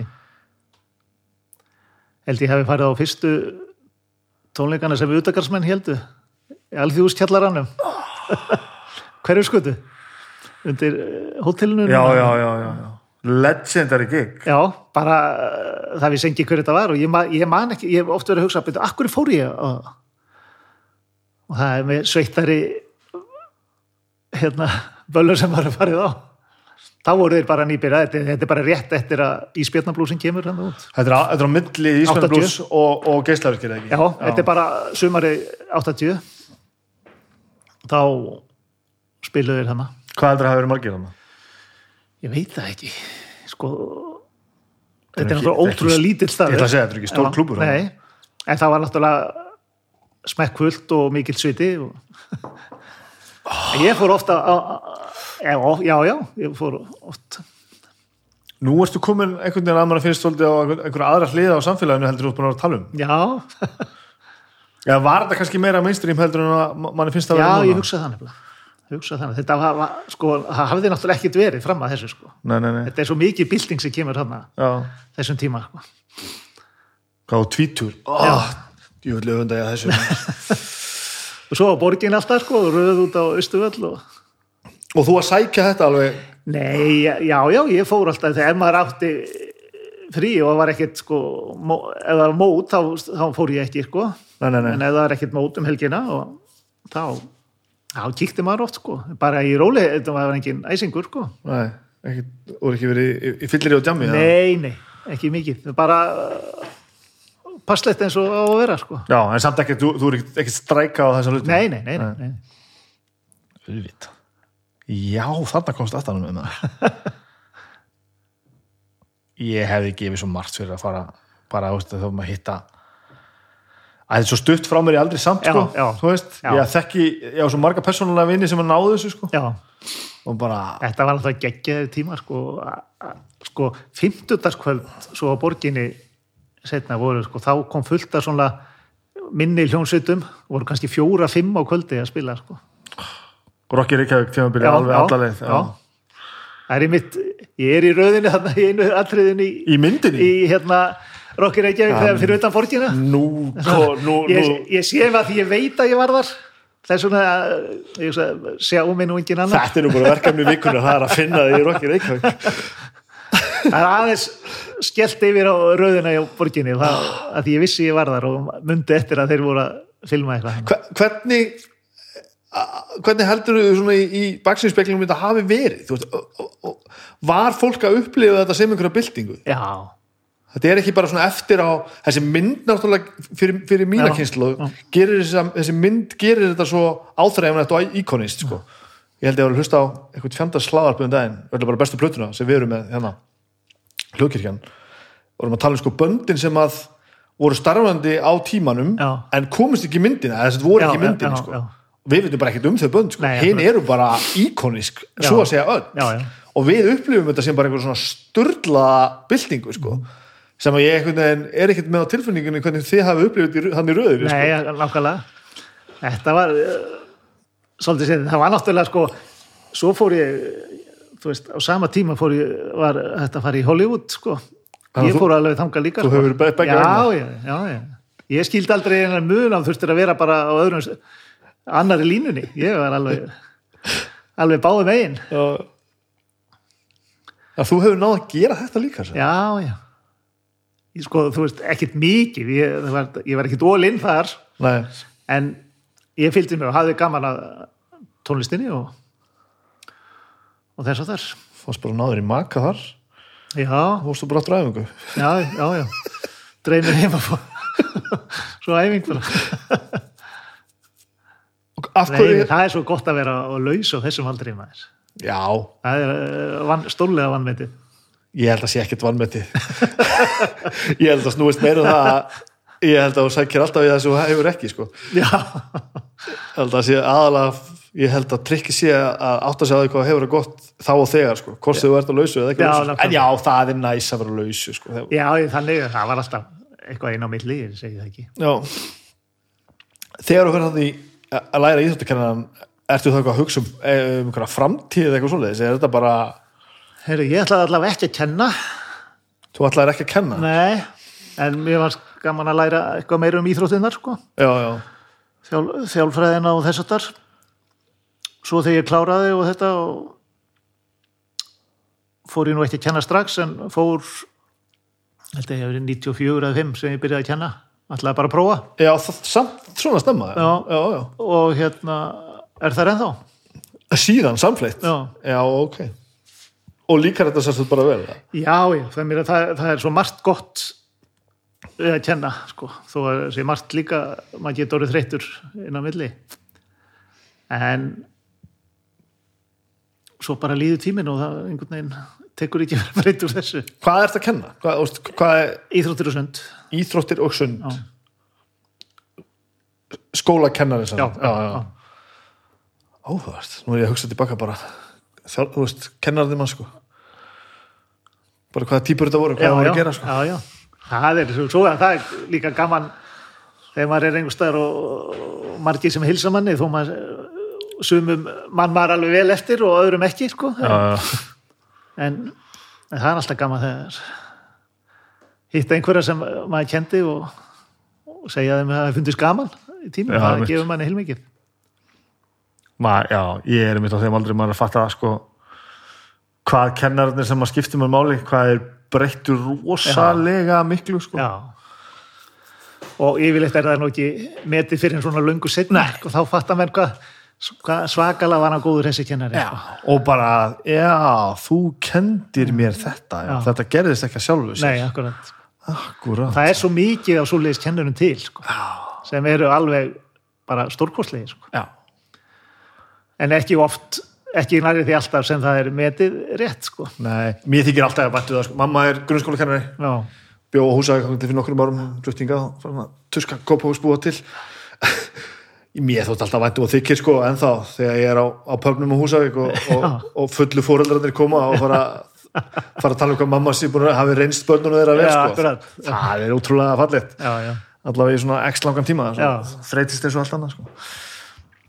Hvað hérna sástu fyrir er að þú getur tekið þetta, þetta badmintonmál langt? Varstu eitthvað á leiðinni út? Ætlaðir Já, eitthvað þú ég, veist? ég var alltaf á leiðinni til Danmarku sko. ætlaði í Að skóla búa þar? Já, ég ætlaði í skóla þar. Ok, svo einhvern veginn bara uh, varð aldrei almela af því. Sko ég ætlaði nú fljótlega eftir stúdentin en þá kom kínurski þjálfarinn hingað og ég tímdi ekki að missa honum. Já. Það var alveg nýtt í heiminum bara þannig að það frestaðist þá og svo ætlaði kom alltaf eitthvað svona bara varð ekki ekkit að því og þetta var líka aðeins erfiðara þá heldur en núna sko. Danetin vildi ekkit fá endilega aðra badmintonspilar að þangað sko. þeir vildi bara vera svolítið sér sko. eiga sitt og það hljómar dast já. þannig að á þeim til þó að hafi breyst núna sko. nú er alveg hægt að fara og klúpandi þar styrkja menn alveg ágætlega sko. Mhm. En, en það var ekki þá. Þannig að þetta var aðeins erfiðar, það var hægt að fara svona í stuttan tíma og svoleiðis eitthvað. Og svo einhvern veginn kannski bara var maður ekki var maður ekki nógu duglegur bara að kíla á það og drífa sig út.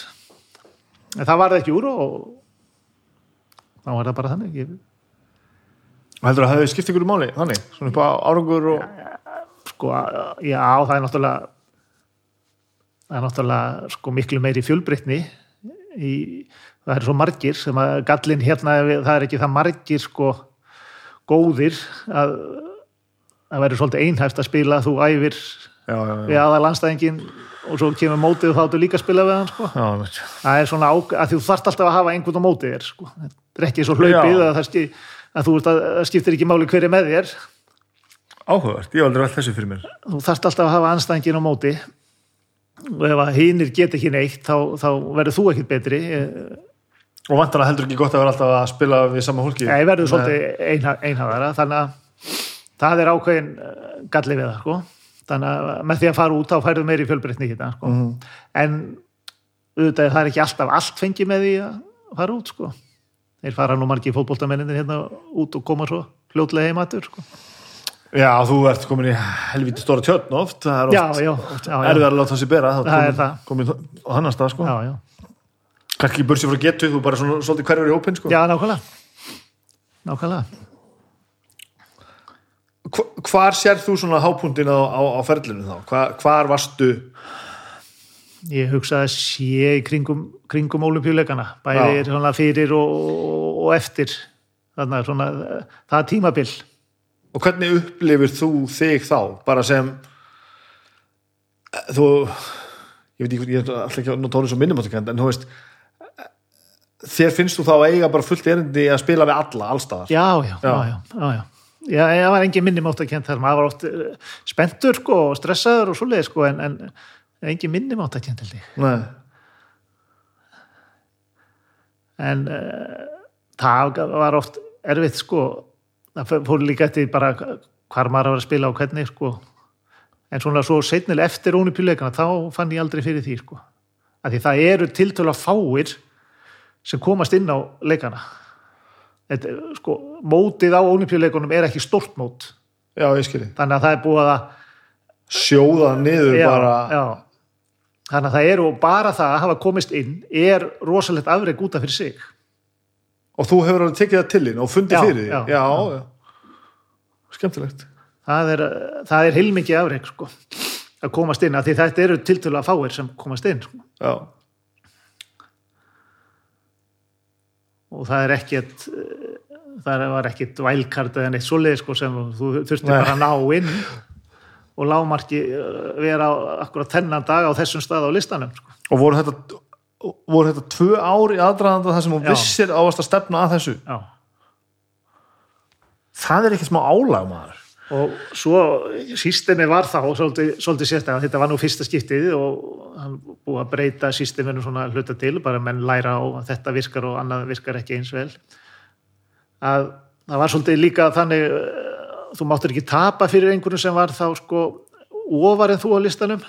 Ef ég var númer 50 sko það var mjög slæmt fyrir maður að tapa einhver, fyrir einhverjum sem var sjö, númer 70 já, já, já. eitthvað í fimmtúrnum sko. Og þá fóru menn stundum að gefa leiki og þóttust vera meittir og þá taldi sá leikur ekki. Til þess að bara taka ekki sjensin á því að tapa fyrir einhverju Já. sem var já, svo voru kannski einhverju sem voru ofalega á listanum en, en voru í rauninu miklu betri og hefðu ótt að vera neðan þá fóru menn, heyrðu, það er bara betra fyrir maður að gefa. Bara svona taktist já, bara. það- þetta var heilmikið. Og ég man síðasta mótinu já, ég held að það verið síðasta mótið eða næst síðasta, ég man ekki hvort. Þá rann ég og mitti mig á nýja hérna, og ég bara, þú veist, það munaði hásbreyta að ég hefði slitið allt, sko, ég hugsaði sko, síðasta mót fyrir, sko, fór á það var í Östuríki og fór á spítalega það var ekkit slitið, þannig að það var bara svona tóknun, þannig ég þurfti að gefa hérna leikina, gæti ekki spilað áfram í mótinu. Og það voru allir vissir og ég hefði gefið það því ég var komin á þann stað á listanum. Og ég var að segja nei, sjáu þið nýjar ég, ég bara gæti ekki spilað var svo takt, taktisið hefðu þetta verið snjált Já, það dugði, en sko, ég ég reynda fekk þann átti næsta leik á móti manni sem ég ætlaði að vinna sko, og hef, hefði þá verið sko, ennþá betri stað í sjálfur sér sko. en, en það trúði því enginn þarna, sko. Hefði hætt að því hefði veitt mig. Og þetta var svolítið lagað. Já, það, svona lag, það var náttúrulega aldrei vera be, sko, betra að gefa leik. Var, þú veist, ég er ekki að segja að það hafi verið margir en það menn voru farnir að hugsa býtu, ætla þessi betra að ég gefi þennan leik sko. ég fylgist svolítið með ameríska fótboltarum Já, og ameríska íþróttakerfið er svolítið þannig sko, það er alltaf að vera umbuna þeim sem eru neðstir sko, farið við alltaf fyrsta draft sko, Já, já. getur við valið nýju leikmennina fyrstur og svona Já, já. sko. Og það er alveg þekkt, náttúrulega enga deildir í þessu sko, Nei, nei. Svo, NFL þá er þetta bara 32 lið og svo bara klára sísónu og bara Super Bowl, ég, við erum mestarar og svo bara líða örfáði mánuður og það bara byrja bara ít svo bara, bara skemmt efni og ekkert annað sko. Og þá er alveg þekkt sko að liðin sem að geta ekkert augljóslega frekar strategíst taka oft bara heil tímabil sko. Það sem þau bara get ekki neitt sko. Já, og það er bara ekkert óvart þú veist, það er alltaf dulbúið mjög vel Já, og já. það er svona kannski vinst einn eða tvei leikir eða eitthvað sko. Og það er allir að reyna og að spenna þessu. En svona ef þetta er að analýsera þá er bara þessu var ekki stilt upp til að vinna sko. Nei, akkurat. Og það er orðið eitthvað skrítið við það. Já, já, jú, jú. En á móti kemur að það, sko fjölbreytnin í þeim sem eru bestir er meira, það er ekki eins og sko, í enska boltanum, þú veist alveg hvaða liði verða og, fimm efstu. og ég er fylgjandi þessu sko Já. og veist, það er bara að fín tjúna þetta sjálfsögðu. Já, já, þetta er náttúrulega hundle, það er ekkert gaman að horfa á fótbolta lengur. Nei, það er líka bara sá sem að mesta penningin hann vinnur Já, já, þannig að það, það er ekki stuð sko Sástu fyrir að þú myndir taka þetta eh, þennan karriér eitthvað lengra við, varstu farin að vinna í sambandi við íþróttinu eitthvað svoleiðis eða? sko ég hef nú verið að þjálfa með svolítið. Já, en ekkert svona alþjóðlegt eða svoleiðis? Nei, nei, ég hef ekkert ekkert haft áhuga á því beint. Það er áhugamál frekar en eitthvað annað Já, já, ég, þú veist ég fannst þetta nóg, núna finnst mér til dæmis bara mjög gott að þurfa ekki að ekkert að fara inn í TPR Já, það er þannig. Já, já, Ok, og ef það eru mót þá er ég alveg voða fegin að þurfa ekkert að vera að horfa á þau sko. hvern? Og alveg þar? Já, já, Ok, en mér finnst líka mjög gaman ég fylgist með þeim alveg og fer sko, alveg að horfa líka sko. en finnst allt í lægi þó ég missaði því stundum. Sem var þá ekki það Nei, nei, það var ekki. Og svo náttúrulega strákarnir mínir hafa verið líka að spila sko, þannig að maður var að fylgjast með þeim þannig að þegar maður hætti sjálf sér þá voru unlíkamótir með þeim. Svo eru þeir konir í fullunni flokka núna sko þannig að þetta er orðið alveg 50 ár sko í þessu. 50 ári já. já, þannig að ég finnst allt í lægi að sleppa einu og einu sko. já. Einu og einu já, já, já, því svo var maður að þjálfa líka og þá þurfti maður að fylgjast með mótunum sko líka. Varst að þjálfa og spila? Já, sko, fyrst, nei, já, svona í lokin, Já, þá gerði ég aðeins á því, svo hef ég aðeins verið að þjálfa, en ég passa mig á því að þjálfa aldrei mikið, af hverju passaði? Eh, bara ég verið leiður, Já, bara ekki gaman. Já, það bara, eh, ef að, ef að þjálfar er farin, sko, það voru kvöð að mæta á æfingu, þá á hann ekki verið að þjálfa, sko. Nei, bara svo allt annað Já, já. maður á ekkert að gera þetta Þannig að ég passaði mig að vera aldrei of mikið, sko, Já halda því alveg í lámarki, sko. Hvernig er þetta þá orðið? Þegar þú orðin frekar fullorinn íþjóttamæður enn að spila í, í afræksmannaklassa farin að þjálfa og ert svo að reyna að láta ykkur aðra að þjálfa þig hvar, hvar er maður hættur að hvar eru mörkin sko? hvenær ertu með þjálfara og hvenær ertu ekki með þjálfara? Já, sko, þar, kynverinn var að þjálfa mig þá, aðeins, áfram? Já. Já, og hann bara hefur svo mikið fram að færa en þá gaman að ræða við hann og, og svona. En þá hlýtur þetta að vera orðið óbúslega mikið bara samtal frekar heldur en já, já, einn að þjálfa já, hinn. já, já, Já. já, já. og minna þig á hitt og þetta svona sem þú átt að vita en, en Já. gleymi stundum sko. já, já, já, já, bara svona eftirlitsmaður já, já, það má segja það sko. áhugast en svona setni árin þó að maður væri æfað sko, það, veist, það var samt aðeins á öðrum forsendum heldur en þegar það var mest sko. þá var maður meira að hafa gaman að þessu sko. en samt að fara út að spila og alveg Ný- Já, samt það minkaði náttúrulega miklu minna. Það gerði ekki eins mikið að því þarna síðustu síðustu árin sko. Og hvað, hvað árið erum við að tala um hvernig er þetta hægt að, hægt að spila í í aðsumuna mannaflokki eins og út til úrleis 38 til 40 eitthvað leins. samt það Já, samt það. og hvað tekur þá við? er ekki alls konar öldunga og hitt og Jú, þetta? jú, en ég hef nú ekki farið mikið á það. Ég hef búin að fara þrísvar jú á á hérna heimsmyndarmót seniora.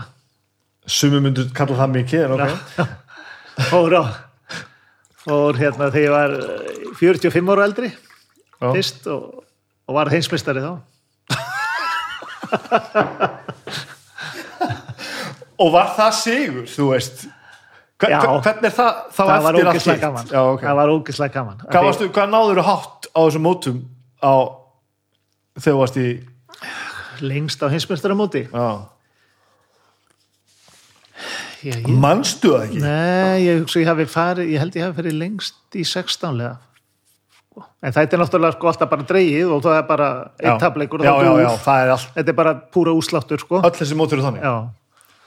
Þannig að þú getur verið óheppið með dráttinn og fengið besta í fyrsta leik sko. Og hálfðu bara búið já, já 16 held ég, minni það. En það var, það var það er ágætis tilfinning að vera heimsmeistari það er, það er ekkert út á það að setja Ó, ok Og varstu að spila við einhverja gamla hundar sem hefur verið, Já, já. hefur verið Já, já. samtíðar allir tíman já, já.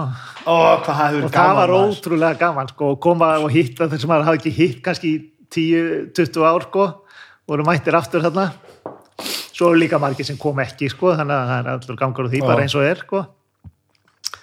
og þetta var bara ríkalega gaman sko. og búin að fara tvis og síðan taka brons í bæði skiptin sko. Svo pínu ósátt já, ég ætlaði, til ég var núna í, í, í desember sko Já, og ég ætlaði að vinna þá sko. en nýja dugði í fjóra daga já við erum komin á þennan stað. Þur- þurfti, sko þetta er bara leikur á hverjum einasta degi það er eitt leikur á dagi og, og svo duga, sko, byrjaði á sunnudegi og föstudags morgunni þá var nýjað orðið þrefall sko. En leistu það það, þú- spilaði það? já ég reyndi að spila en ég, þá komst ég ekki almennilega fram að neti og, Já, alveg, það er alveg fyrir að hamla, hamla já, þér. já, já, já, þannig að ég var það að setja mig við bronsið það hefði þurft að duga þennan dag og sko daginn eftir í úrslitin þá hefði ég tekið það sko Já, ok en því miður það vantaði einn dag í viðbútt Og hva, þú veist, heldur maður áfram í þessu endalust eða? nei, maður gerir það ekki nú, nú er ég til dæmis sko á ég að vera í kvöld ég er búin að reyna að finna einhvern varamann fyrir mig Já, það er svo leiðis já, já, já. Þetta er sko, ég er alveg fann að hugsa sko á hvort maður eigi bara að stoppa núna alveg, að ég hef ekkert gaman að spila ef ég get ekki beitt mér á fullu Þa, Nei, nei, nei. Þá, þá er þetta ekki skemmtileg þá er ég að gera eitthvað annað en ég hef verið að gera sko. þannig að og nú er ég sko, það er búið að gera það mikið í hnénu að það er eiginlega ekkert brjósk eftir og, og, og svo leiðis og þetta er orðið svo djöfull sárt að stíga fram Aðgerið sem sagt, búið að Já, sko, brjósti er bara búið, Já. það er bara búið að eyðast upp, sko. Og, og hérna, þá spyrir maður sig, býta, er það gaman? Er ekki betra að reyna að halda sér sem maður getur nú labbað og spila golf frekar og sömurinn og eitthvað sliðis? allavega skinn sem að vera búin að koma sér þá upp einhverju öðru sko. Já, já, já, það er ne- málið, sko. Þannig að, enda er ég alveg sáttur þess vegna að hætta að spila núna. Það er bara gaman að hitta hópin og spila með þeim, sko. Það er, það er, félagskapurinn er svo mikið í þessu, sko. Og tala um badmintóni en samt, samt ekki gaman þú getur ekki Nei, þú varst að geta beitt þér, sko. Að maður sé allt í norðin einhver bara, ja, þú lit maður er vanur að spila hörku leiki þarna með, með þeim og, og allt í nær maður bara orðin langlilegastur og að því maður getur ekki gert eitthvað sem maður er vanur að geta. Það er uh, pyrrandi, þá hætti ég frekar. En hvernig heldur það gangi þá að hætta? það verður allt í leið Það verður alltaf leið Já, ég vingar á að gera því. Það er maður hætti bara, heyrðu, ákveður, heyrðu, núna, ég, nú er ég ekki, ég sagði alltaf ef ég er hættur að geta stíið almenna fram að neti, þá nenni ég ekki að spila lengur. Er það líkil reyfing þetta Já, sko, þú ert að geta farið með fótinn í vinkil hérna fram Já, já. og spyntir strax frá. stíð undir Já. já. En nú þarf maður að stíga og maður nota baki til að taka og fljótt með vinstri fótinn upp á því líka og þá er bara tekur það fjóra-fimm sekundur sem tók bara eina sekundu já, sko. og þá er maður bara setni í næsta bolta og það, þá verður bara ekkit gaman aðeins Þetta er rosalegt sport já, þá, þá er maður alveg tilbúin að hætta sko. Er mikill munur á þessu sporti núna heldur en þegar þú varst að- byrja á já, sko, allar íþróttir þróast alveg, eru búin að þróast svakalega mikið núna bara síðustu ár Já, en hver er munur eins og þessu? þetta er í sjálfur það sama þessar reyfingar eru alveg, En almennt í sportinu hefði, hvað, hvað, þróast í, í badminton? sko, það er náttúrulega verður meiri hraði Með aukinni þjálfum já, bara. og bara og, og, meiri kunnáttu sko. bara á alla staði sko. hraðin er meiri og, og, og það er taktíkin er öðruvísi byggir þetta öðruvísi upp og það er bara eins og bara horfa á handbólta núna sem er í gangi eða, eða fyrir 20 árum þetta er, þetta er ekki sama greinin Nei, það er rosalega munur á þessu sko. og það eru bara allar íþjóttagreinar orðið svona, það er bara mikil þróun síðustu tíu ár Já, og sumar að þeim græða því og sumar gera það ekki sko. Nei, já, Sumar verða bara ekki jafn skemmtilega, það er ekki áhorf sko. nei, akkurat en, en það er alltaf bara sem betur fyrir þróun sko. Og menna prófa eitthvað og svo bara það er alltaf hægt að fara í gamla skólan aftur sko ef að menn vilja það. Já, ég mann En- þegar að, þess að við tala um handbóltan sko, þegar að það, var hægt að taka miðju já, já, að það bara allir var þannig alltaf að leiku sko. Já, þá, já. þá, þá gerist allt svo hratt endalist þetta var bara svona fram og tilbaka hvað alveg brjálaði sko. nákvæmlega. Bara, bara taka formlega miðju og byrja næstu svo hvernig er þetta eiginlega? Það var að grít upp í þraðaflip í öll, Já, já. öllum, öllum sóknum þannig að ímislega svona eh, breytist sko. Mhm. stiga, stigakerfið er orðið öðruvísi. Nú þarfst ekki að vinna uppgjöfina til að fá stig. Hva, hvaða breyting var það? það var gert fyrir sjónvarp. Til þess að, var sjón- afmarka tímaramman sem þetta getur tekið? Já, bara sjónvarsvætna að það var sko, þú gast vera ef ég verið að spila við þig og ég skora svo skora þú og svo skora ég, svo skora þú það er alltaf 0-0 en þá já, já, einmitt. Eh, það þótt ekki skemmtilegt í sjónvarpi. Og svo he- hefur þessi umræða komið alltaf að stitta lótundar að því þú ert að spila sko það er 1-0 og svo 2-0 og 2-1 og 3-3 og 4-4 þetta er svo óspennandi, það er verið ekki spennandi fyrir hún komin hérna sko í lók lótunar nei, nei, nei, nei. Þa, það er svona hu hugsunin. Ég, þú veist, hrifin að sumu og öðru eh, ekki en þetta nýja tannlíkasýstem finnst mér bara mjög gott. Hvernig er þetta núna? nú spilaði upp í 21 og þú færi alltaf stig já, og það var talað um að þetta yrði aðeins stittra Mhm. en það er allur gangur á því það verður sko, en svo þarf þetta að vinna með tveimur en fer aldrei upp fyrir 30 og vinnur 20 Þá getur vinnur unnið 39, 30, 29 já, já, 30, 29 30, 29 segir já. við. En, en 21, 19 er það sko já, já, en ef það 20, 20 þá þarf að fara upp í 22 og Mhm. svo framvegis en leikurinn upp í 21 er svipalangur eða eitthvað er það allt? Hann kannski örlítið stittir svona þessi svona meðallotan en, en, en hann getur alveg farið upp í jafnlanga leiki sko. Mhm. Já, ég held að það gerir það mestu leiti.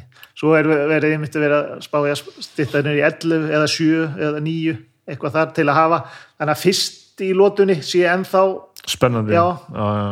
að þetta snýst allt um því þar eru pinningarnir sko. og hvaða skoðun hefur íþjóðstafólkið á því? Ég held sé bara upp og ofan. Mhm. ég, ég myndi vilja halda þessu bara áfram. Ég, og þetta er núna? já, ég held sé ákveðin líka þú þarft að geta að byrja svona ég held að verði ómikið af svona svona stress í byrjun og leikinni verði ekki en skemmtilegir ef þú sko strax svona þrjúnu lundir og þá bara svo stutt eftir og sko. lotan er eiginlega bara búin já, já, já, já. Þannig að ef þú ert ekki alveg tilbúin að því þú þarft að stundum að geta átt möguleika að spila þið inn í leikin sko, koma þér í gang ef eitthvað bara klikkar ef þú ert bara stressaður og þú- þannig að þú fáir aðeins að jafna þig sko. þannig að þú hafir allavega þann möguleika sko. en minna það er sitt sínskvæðum og þannig, þannig að Svona, minna, minna einhverja strategíu eða eitthvað svoleiðis svona, já, þannig að til, tennisin er eiginlega eina íþjóttagrein sem er ennþá með sömu reglurnar og þó það skilja þær engin sko, akkur tanningasýstemið er svona sko. veit það einhver svona í alvegni ég veit ekki akkur það er svona þetta er alveg fáránlegt en, en þeir hafa ekki breytt neinu fyrir sjónvarpið og þetta er mjög alltaf jafnvinsalt í sjónvarpið sko. hendar þetta ekki bara var ekki bara tilvílun að þetta henda ágætlega fyrir sjónvarp jú, ég held það nú, sko. Nú. nema Og- þessi stigagjöf sem og- enginn skilur sko. Nei, og svo, svo er bara líka þegar konur svo miklu peningar í það þá er þetta orðið vinsalt í sjónvarpi útskýru þetta meinarðu? bara að því það er svo mikið undir já, þá er spenna að horfa á. Já, já, já, já, ég skil þig. Sko, í raunin ef, ef þú tekur bara tennisleikin sem slíkan, það er ofbúslega langur tími sem er, fer ekki í neitt. Nei, ha, þú fær tvær uppgjöfir og fyrri klúrast yfirleitt. Já, þá áttu bara annars jens er svo og sko. svo spilaður eitthvað smá þarna og þá skipta þær um og svo setjast þær á bekkin og fá pásu. Þetta er í rauninu mjög ósjómasvænt finnst manni með það sem allar aðrar greinar er að gera. Mjög mislangi leikir. Já, en þeir komast upp með þetta alveg, af hverju anskotanum? veit ekki af því að peningarnir komið nú að snemma. Já, ég held að því það er svo mikið undir og þetta er orðin svo mikið celeb sko. Þetta snýst allt um það. Ég er nú ekki hef aldrei prófað þetta mál sko, segja, ég, ég horfði nú svona meira á amerískar Já. og ég hef ekki farið út í veðmálabisnissin sko en maður sér það alveg að stórpartur á áhuganum er fólkið að veðja Já. um leið og þú að setja þó að sér ekki nema bara fucking 10 dólarar undir eitthvað Já. þá fer allt af stað sko og ég og svolítið hjóatri sem hún sagði ráða með sko, þó þessi bara eitthvað að göslast einhvers staðar áttar saman á einhverjum velli að að spila hverju annan sko. já, já, það verður að vera eitthvað skema sko. það verður að vera eitthvað undir og um leið Já, og við erum fattir sko bara að sko vinirnir að tippa hvernig leikindi fara sko hérna NFL Já, leikindir akkurat. þá er orðið gaman Já, að horfa það bara um leið og að setja henni á Já. blað ég held að þetta fari svona Já. og svo segir einhver en ég held að þetta fari ekki svona, ég held að fari svona og svo kannski setur þú skall á borðið og maður er sko áhuginu tífald já, já. það munar öllu sko. er það með tennisin það er bara komið nú að snemma sko já, já, já, já svo er einhver, einhver hefð fyrir þessu sko. þetta er náttúrulega en hvernig er peninga staðan í badmintoninu þá á heimsvísu með að við allt hitt. Hún er náttúrulega miklu, sko, miklu herri upp að þeir núna heldur en voru þegar ég var sko. en þetta er ekki að para við tennis nei, þetta er ekki, á- nei, nei, nei, nei, langt í land þar sko. og það eru tiltölega fáir sko, sem virkilega hafa það gott. En ég var nú reyndar að sjá sjá núna tekjuhæstu íþróttakonur heimsins, Já. top 10 og þar er ein badmintonkona af, af top 10 í heiminum? Já. já ok. Indvest en sko það er, það er ekki bara peningar í mótum, það er heldur bara Auglýsingasamningar já, allt, þannig að já. hún hefur greinilega náð mjög góðum samningum auðlýsingarsamningum en top 10 er já, fjandi það, gott. það var bara það var bara geggjað sko, hún skulle vera komið þangað sko. með öllum hópið þjóttum Já, öllum. já. öllum já, konum þær, eh, þær skora ekki. Þetta er yfirleitt, þetta var tennis og tennis svo voru tvær golfstelpur konarinn hvernig fótboltin ekki nógu stór?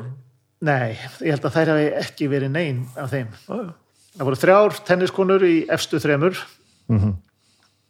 svo kom held ég einn golf svo kom einhver í mann ekki hvað svo kom badminton og svo kom aftur golf og svo mann ekki hverja hérna voru eða voru einhvern veginn ég þekkti þeir ég fattaði ekki hverja það voru allavega en við vorum allavega, ég var allavega mjög annað að það var badminton kona þar inn á en þetta, þetta er engar upphæðir sko í líkingu við tennis og golf sko sem er orðið alveg náttúrulega fáranlegt sko. Já, já. En hún greinlega nær góðum samlingum þannig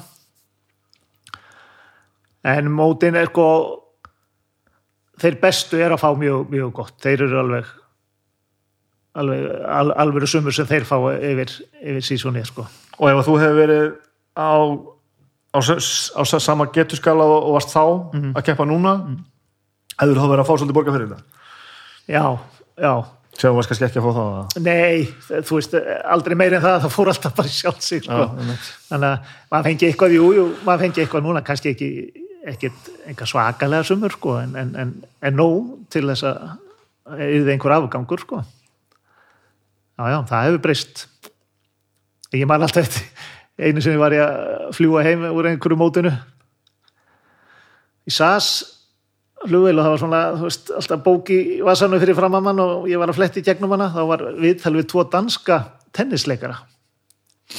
Annar þeirra var, nú- þetta var þegar ég var þarna númer 40 og einlega og 17 í, í tvílegaðleik sem var helviti gott. Já, Heyrðu, annar þeirra var númer 280 eitthvað í tennis og hinn númer 325 þeir byggu báður í Mónakó út af skattinum að það tekjurna voru svo mikla og ég bara hugsaði hvað var ég að gera í þessu sporti að hverju fór ég ekki það verður þeir fleiri hundru sætum sko og þeir Já. það, það, þarna, þannig er munurinn og er enn sko það er bara bæði hækkað sko já, já, já. er eitthvað crossover inn á milli? er fólk eitthvað að æfa bæði nei. eða skiptum eða Nei, eitthvað? ekki neitt það er ekki, þó að sé net og spaði það er ekki nóg Þetta er eins og, það er heiminn og hafa á milli að því að tala um olípjuleikan og aðbúnaðan og það saman uh, að því ég maður sko mín litla einsýn sko í, í að keppa á þessum tíma sko þetta var allt svo sveitó sko. já, já. Hva- eh, hvernig voru hvernig voru þessar keppnisferðir út og svona Va- va- varst, varstu yfirlegt á góðum aðbúnaði og, og, og svona þú veist, Já, var það prófleveli já yfirleitt og, Já, já, ok. langoftast var það alveg sko. bara fínum hótelum og Þetta við náð því samt já, já, Já. já, það var einstakar sem við vorum að reyna að spara eitthvað þegar við vorum að fara sjálf út svona gista í einhverjum heimhúsum ef við þekktum einhvern getur retta okkur kom svona smá tímabilum að tók nokkur skipti svo bara hætti því ég segi borga frekka bara hótela því þú, veist, þú þarft að vera eh, það er ekki hægt að sofa einhver staðar út í hotni og, og eitthvað, þú verður bara vera pró í, í öllum, Já. öllu svona þetta hefur hangið yfirleitt á, á, sagt, á ykkur, ekki móts, mótshöldurum já, nei, Þannig það er alltaf uh, það er alveg standard á því sko. En mótin þá? mótin voru maður náttúrulega þegar fyrst þegar maður var- að fara á þessi stóru mót sko, þá, þá var maður náttúrulega stressaður þetta, þetta var allt svo flott og stórt og, og fínt sko. Þannig að maður var náttúrulega svolítið stressaður en minna það tók bara einhver mót að læra það Og þau hafa verið það mótin. Þau hafa- alltaf náði að vera flott og, og, og skipulög og allt svo já. það eru sko eins og breytandir sko, sem kannski leggja línun á þessum tíma sko, með allt, þeir, þeir eru náttúrulega snillingar í öllu svona, hafa allt flott og fínt sko. Mhm. og þetta var svona ákveðin hástéttar íþróttagrein eins og tennis til dæmis er líka Já, já, já. að, og er, þá er bara allt flott sko. Það er búið upp á te. Já. um. Hvað hérna, hvað, hvað áttu eftir að gera í öllu saman? ég held að ég ekkert eftir Þú ert búinn með band, það Já. er bara alveg það.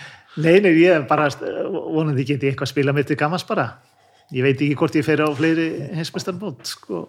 Þú ert ekki búin útlöka það. Nei, ég ætla að sjá til hvað það verður hægt að lappa eitthvað upp og nýja smá yfirbúta en uh, þegar ég finn ekki til hnénu þá finn ég til í mjöðminni það er bara spurning hvort hvort, hvort sásökin er meiri en maður þurfum að svo ekki bara að maður geti gengið almennlega ég hætti fyrr áður en ég svo maður verður ekki eitthvað fallaðar En, en þú horfir alveg mögulega fram á það. Það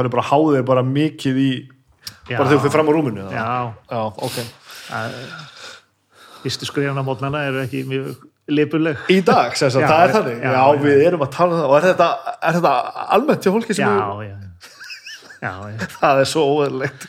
Það er þú allir íþróttamenn bara yfir höfuð þetta er það tekur tíma að liðka þetta allt Ég var að tala um Magnús Ver hérna með leiðbæri sem ég var að tala um við vélmenn. Sko. Hann var bara að fara að láta skipta um allt í sér. Sko. Það var bara, já, bara, já, svona er þetta bara. Ef þú ætlar að gera þetta, þá bara verður að ganga þessu. Já, Sko. já, það er bara þannig Ég heyrði nefnitt um daginn hjá einhverjum dana sem ég hitti núna á heimsbættalbútum núna um daginn að hann sagði að það voru allir gömlu sem spiluðu mikið á sínu tíma bandtón þeir eru allir búin að fara í mjögmaskipti þannig að það er hægri mjög minn sko, sem, sem fer Og þetta er alltaf sömu meðslið, þetta er alltaf sama. já, mikið til sko. Að því ég hef alveg sloppið við svona sko, crossbandarslist og allt uh, allt svoleið sko. maður bara fengið þetta svona álasmeðsli sko, sem þarf að vinna með bara og einhverja tóknanir stundum sko. En það er algengt, svona stór meðslið, slitt og svona. Í- já, það er alltaf eitthvað um það sko. alltaf eitthvað en við náttúrulega losnum við sko, alla, allt, öll náví þannig að Já, allt, já, allt, svoleiðis við, allt svoleiðis erum við laus við en þá kemur bara ímislegt annað í staðin sko. þannig að það er ansi mikið um álasmeðsli sko. Ég man, þegar maður satt bara á einhverjum bekk og nutta á sin hnén og bara, já, bara skoðaði, bara, bara finna fyrir krossböndunum og svo bara, ef þetta fer hérna, þá er þetta bara búið. já, já. Maður, þegar maður var sem mest þá var maður uh, hverjum degi hjá sjúkrið mér var hleyft orðið inn og ég vissi hvað ég átt að gera og ég gerði þetta oft, var bara rétt tækið, þú gerir þetta Og sjálfur bara. nefndiru þess alltaf. já, Þetta er, þetta, er- þetta er, þetta er eitthvað sem ég ég hefði þetta tilkæða mér, sko. Ég var alltaf bara eitthvað hálf fúll bara. já. Já, já, þetta er bara hluti að þessu, sko. Eftir þetta spjall allt saman, þetta á ekki hljóma illa, sko. Ég er ekki, þetta hljóma svolítið svona, þetta hljóma svolítið svona einsleitt allt saman, sko. já, það, já. Ég er ekki að tala Ég um, upp, upplifaði ekki þannig. nei, og ég, er og ég er handus maður er það ekki. Uh, og þetta er einsleitt ekki kannski rétt að orðið sko. og augljóslega upp úr þessu svolítið- og óbúslega árangur og, og, hérna, og allt saman sko. en þetta, þetta virkar svolítið mikill fókus í eina átt já, svolítið svona uppáspunktur hér og svo er bara er bara áin bara fengið að streyma bara eina átt bara já, alveg já, já. Það er, má, má að líka alveg halda því fram út af fyrir sig, sko. En þetta á móti kemur, þetta gefur þið líka svo margt, sko. árangurinn þá? Já, árangurinn og bara all, allar þessi fe- ferðir sko út um allan heim. Félagskapurinn sem er ennþá maður er ennþá að hitta þá sem voru með manni sko í, í ferðunum sko fyrir sko þegar maður var að byrja og líka kynnslóðin sem var, kom svo þegar maður var að enda sko. Þannig að maður er með þeim öllum og tala um það á mjög breytt aldurspil sko útlendingur líka Já, já, ekki, já, ekki bara íslensku nei, nei, nei.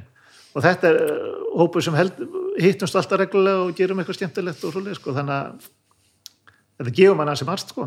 En þetta er rosalega mikið litað af badminton, alveg út í gegn. Já, það er það er það, það er ekki hægt að neyta því sko. Þú, þú, þú, þú ert badmintonspilari. Já, já. Það er alveg bara saman hvernig á það er litið. Já, já. Já, já. Og er alveg sáttu við það líka. Já, ég mitt. Er eitthvað sem við erum ekki búin að tala um? Þú veist sem þú hefur verið að, að sinna og gera. Nei, nei, ég held ekki. Þetta er bara svona. Ekki, já, ekki sem mann í fljóti bræðir svona, en jú, jú, ég minna maður hefur gert ímislegt með félagunum, sko, það er líka svo gott að eiga líka félaga fyrir utan þetta, sko, þannig að þannig að það er bara bara alltaf eitthvað en, en, en, en þú veist, þegar þetta var sem mest, þá náttúrulega það átti að fara að gera eitthvað og þá stundu koni að ég geta ekki að því út af einhverju með bandtónu já, finnum tíma þegar ég er ekki í þarna sko, eitthvað svo leið sko. Mhm. þannig að auðvitað misti maður örgulega af einhverju sko ég veist ekki um það en, en maður fekk líka eitthvað í staðinn og ég, væri, ég vil ekki skipta því sko Nei.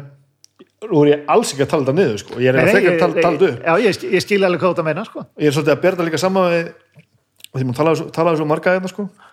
Og maður sýnir svona að, að, að við sem erum á lífi núna, sko, og erum að gera hlutina, að, að veruleiki þessa fólks og okkar núna er það að fara alltaf að gera eitthvað nýtt. Já, við erum svolítið að tala aftur tíma bara, já, pappi minn, hann var nú bara smiður Já. Hann bara lærði til smiðs og svo smíðaði hann allan Já, dó já. og það er svona svo kynnslóðin sem er, er, er, núna og við alla kynnslóðin sem eru á lífi við séum svolítið að gera öfugt við það, sko, Já. skiptum feril og gera þetta núna, Já, já. svo fór ég nú að dreif mig þangað, Já, sko það er eiginlega ekkert droslega oft sem að ég sest þetta niður og tala við einhvern veginn svo þig sem bara, svo fór ég bara að æfa badminton Já. og ég er bara ennþá að spila fucking badminton já, já Nei, nei, ég, það er, er ekkit ég skil alveg þessa línu sem, sem ég er búin að taka alveg. Það er alltaf eitthvað badminton inn í inn Já. en er ekkert þá svona sem að þú veist þú ert svona fyrir örugslag golfið já, ekkert sem að hefur svona hort á ekki um tíðin og bara já, ég kannski, ég ætti kannski að gera þetta. Nei, það er aldrei neitt, nei, nei, þú þarft ekki að ganga á eitthvað eitt fjall eða Nei, læra nei, þetta nei. eða neitt svoleiðis. Nei, nei.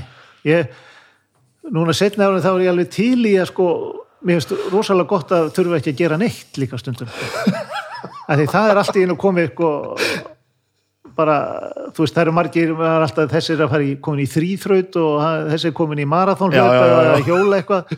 Ég er bara búið með allt þetta í hinu sko. Já, það var allt uh, all, allur þessi pakki, það maður þurft að sko vera í góðu úthaldi, maður þurft að vera sterkur maður þurft að vera liður og maður þurft að gera þetta og eitt að því badmintóni tekur á all, öllum þessu þáttum. Mhm. þannig að nú þarf ég ekkit að hafa hlaupi marathón eða, nei, nei, nei, eða vera í þrýþrautinni eða eitthvað, ég bara nenni ekki.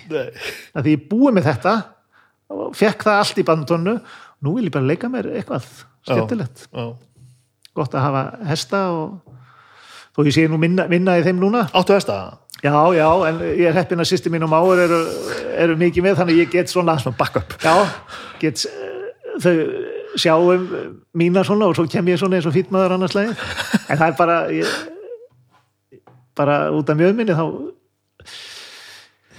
er bara svo vond að sitja.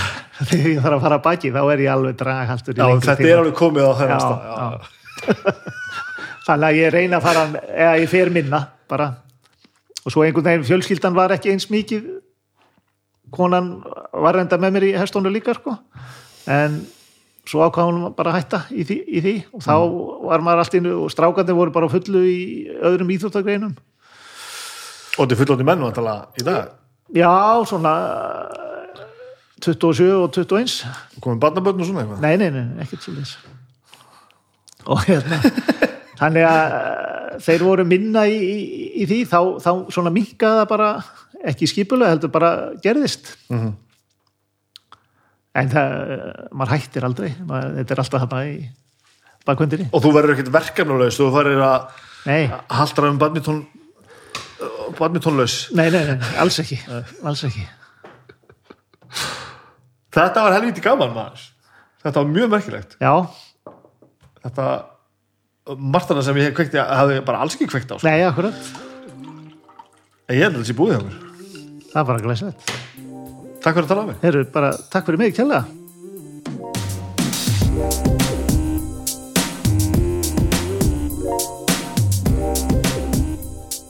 Ég er ekki enn búin að opna ammálskjöfuna, ég ætla að gera það núna. Ég ætla að gera það núna. Eh, Þetta var stórkostlega gaman og spjalla við hennar mikla meistara sem er bara með eitt hnið og eh, eina mjöðum er, er, já, já. Eru mjöðmir ekki, jú, maður með tvær mjöðmir og hér er Agnes að bera mat á borðið þannig ég verð að fara að hætta þessu. Eh, Ég ætla nú að bara að minningur á það að í kvöld er ég að tala við Bjössa í mínus í beinni á hljófarahús Facebook síðunni. Ég held þetta sé á Facebook síðunni. Við erum eitthvað að pælja að fara ykkur yfir á YouTube því allavega googlið þetta finnir ekki. Við reddum því allavega. Uh, það verður frekar gaman, ég veit ekki hvað hann ætlar að gera hvort hann ætlar að spila trommur eða syngja eða eitthvað. Hann er að fara að vera með eitthvað, eitthvað þátt á stöð 2 plus og ég held að við séum að fara að tala eitthvað um það líka og eitthvað alls konar hann er allavega svo upptíkin að hann kemst ekki með mér að spila D&D í bústæðinum næstörki sem er náttúrulega afleitt en við getum ekki verið allstar alltaf er það. Að þið tekja á því. Ég, ég ætla að þakka Flyer Iceland ég ætla að þakka Bónus, ég ætla að þakka Simon Pay fyrir að standa á vættinni hérna með mér. Og ég ætla bara að loka þessu mikrofónu hérna og, og fá mér eitthvað gott að borða og opna ammæliskju og reyna að sækja börnum mín á þess að fjúka út í sjó annars er þetta allt saman mjög gott. Hafa það gott, þá er við næst, bye